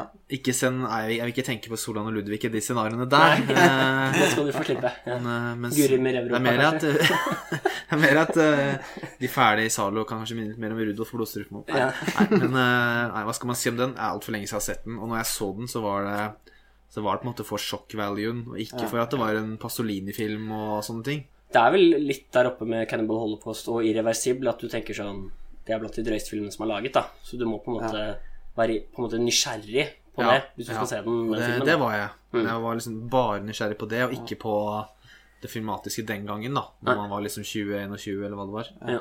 Det er også en film jeg så på Cinemateket, og jeg husker jeg ble ganske fornøyd, eller jeg likte den ganske godt. Og jeg, den blir ofte trukket opp sammen med Cannibal Holocaust, at de to Ja. er de verstingene. Mm. Men den Cannibal Holocaust blir vel ikke vist på Cinemateket, tenker jeg. Mm. Den her Nei, er ganske det blir kanskje ikke det. Den, den har jo mye mer brutal vold. Ja. Cannibal Holocaust har mye mer vold, og det er jo ekte vold, dessverre òg. Det er jo det som er Mm. greia. Det er, Salo ikke, har jo mer at det er sånn ekkelt sånn ja, Ja, sånne ting som skjer, på en måte. det er mye kroppsvæsker Ting, ja. og Men det er jo på slutten så er det jo noe som kan minne om Cannibal Holocaust der. Det er jo torturscener der òg, Mm. så Men den har ganske mye satire, da. Den er ganske morsom. Mm. ja. Og det er liksom den er veldig politisk, da. Mm. ja. Og det sies jo at han kanskje ble drept for å lage den, så Ja. mm. Han mafiaen. Han var jo en, han var jo både marxist, ateist og homofil i Italia på 70-tallet. Ja. Og lager filmer om Jesus på den på den tiden, siden og Mm.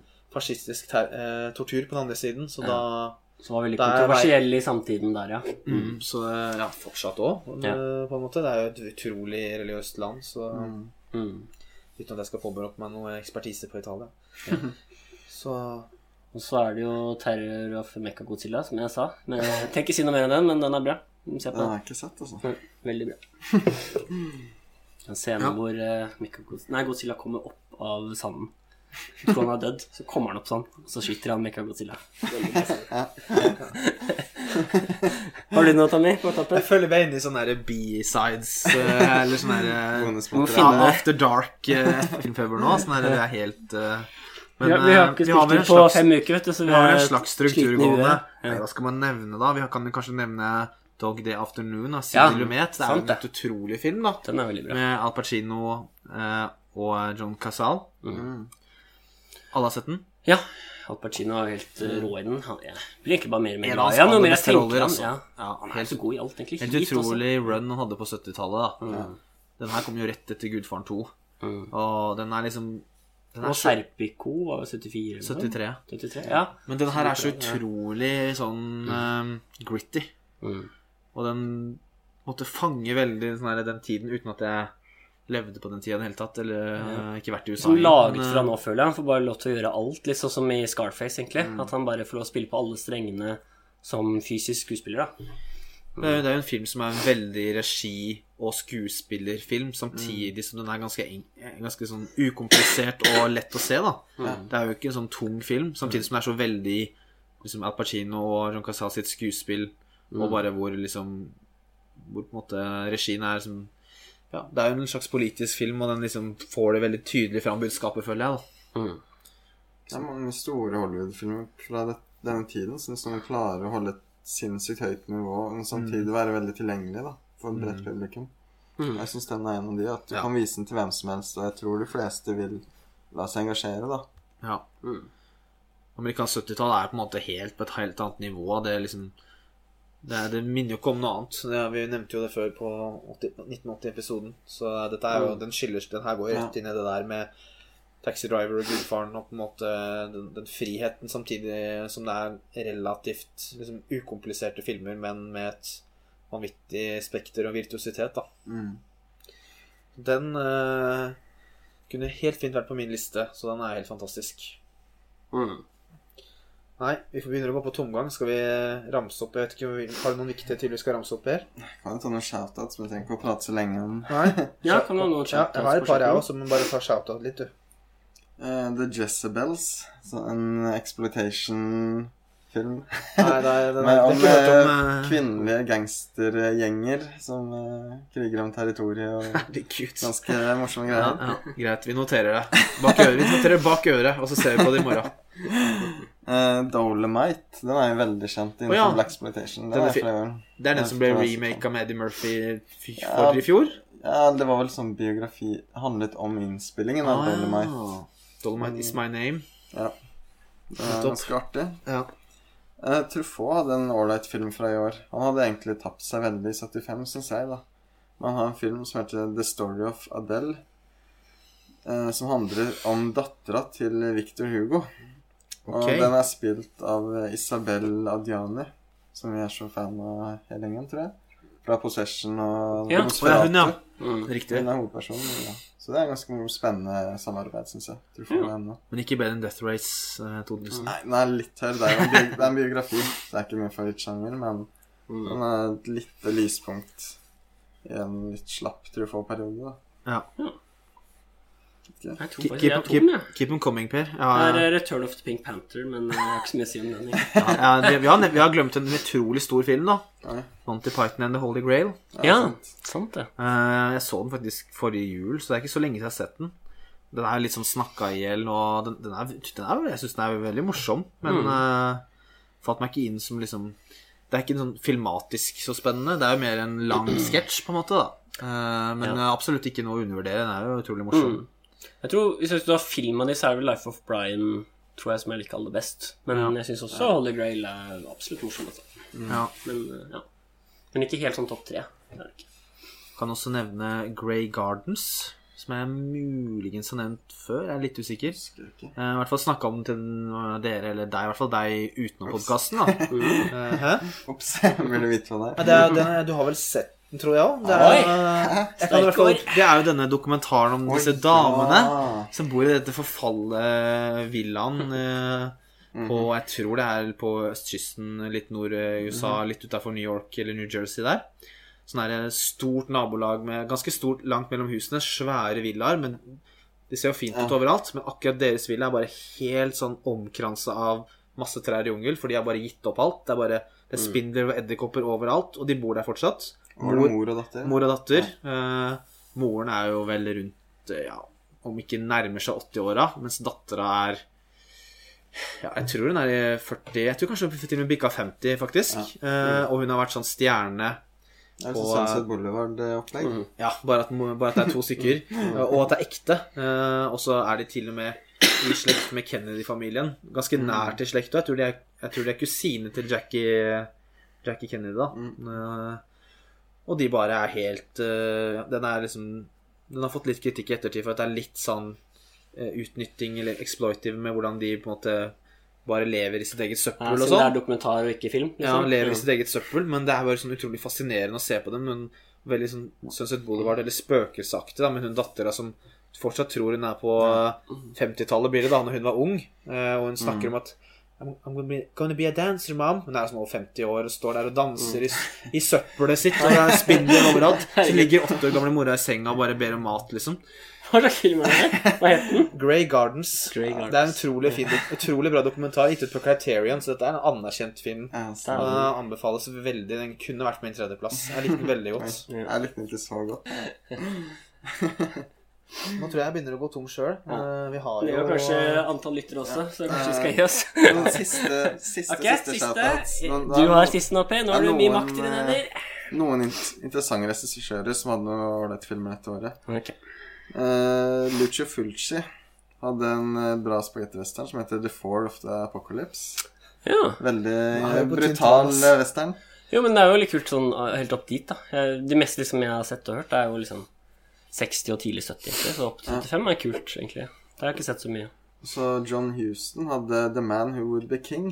Ja, Den hadde jeg tenkt å se før vi Det er den med Sean Connery Med Sean og, Connery. og, og eh, han eh, Michael Caine. Michael Caine. Michael Caine. Garantert er bra noe for uh, Ja. Paul. Ja, Ja, den, Sean eh, Connery er en fin fyr. ja, den er, er den ålreit? Du har sett den? Ja, den er litt lang, men eh, Ja. ganske bra. Hvis Ikke man liker Sean eh, Connery Ikke bedre enn Death Race 2000. Eh, Ken Russell kom med en film jeg hata, i hvert fall. Jeg tror vi så den sammen. Som heter Tommy. Ja. Eh, blir mye Tommy her. Først Tuba i stad.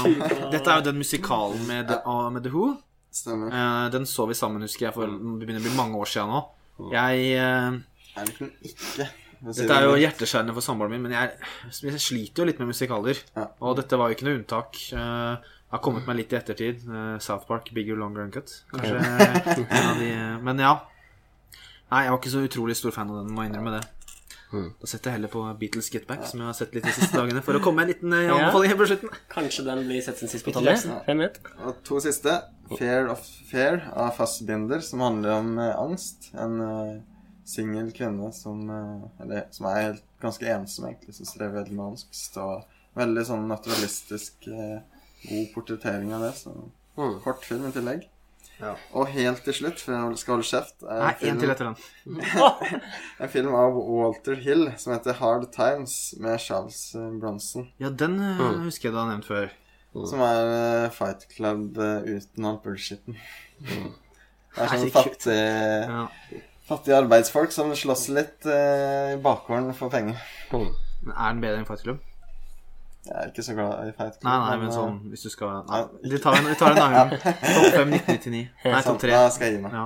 Jeg, bare, jeg kom på en film helt på slutten Mm. som er litt sånn Litt sånn flaut å ikke nevne, siden den er, liksom- den er ganske ukjent. Jeg nevnte dere sist, men det er liksom en veldig sånn stor arthouse fra, fra dette året, da. Eh, Jean Dielmann av Chantal Akermann. Eh, det er jo en sånn Den er jo 200 minutter, og hele filmen er jo en sånn eh, eh, holdt på å si hjemmeværende dame som masker opp og støvsuger og rydder i bokhylla og sånn, mm. har jeg fått med meg. Og det kan jo bli Mye for 200 fleste. minutter er ganske mye, men jeg tror den har et ganske sånn crazy twist i siste Siste fem minuttene. At det er et eller annet som skjer der. Jeg har faktisk klart å unngå hva det er, men jeg vet at det kommer, og, alle, og at den er liksom verdt å se pga. det. Men eh, det er i hvert fall nevnt den, så vi er ikke helt idioter her. Vi har hørt om den filmen. I hvert fall jeg, da. Ja. To idioter og en som har hørt den om. Nå snuser vi vel på totimeren, tror jeg. Nærmer seg. Ja. Jeg tror vi skal gi oss mens eh, leken er god. ja. Du er greit forkjøla, men stemmen begynner å Nå er det snart ikke noe igjen. Nei, vi kan røpe at eh, vi får i hvert fall én episode til før jul. Så, så vi kan si at det blir Jules and Jim av Francois Troffaut. Hvis det er noen som har lyst til å se den før eh, episoden, da. Ja, Så- Da tar vi bare sånn ja. enkel episode neste gang. Ja, og så tar vi en uh, sett siden sist, hvor vi prata litt uh, Vi hadde jo det i dag òg, men da får vi kanskje ja, Ja. Ikke, vi endte egentlig ikke opp med å gjøre det kort i stad likevel, da. Men uh, vi, vi får se. Vi får se. Vi Vi får se. Vi ser. Ellers er det bare å takke alle lyttere, og så ses vi i neste episode. Ha det bra, alle sammen. Ha det bra. Ha det.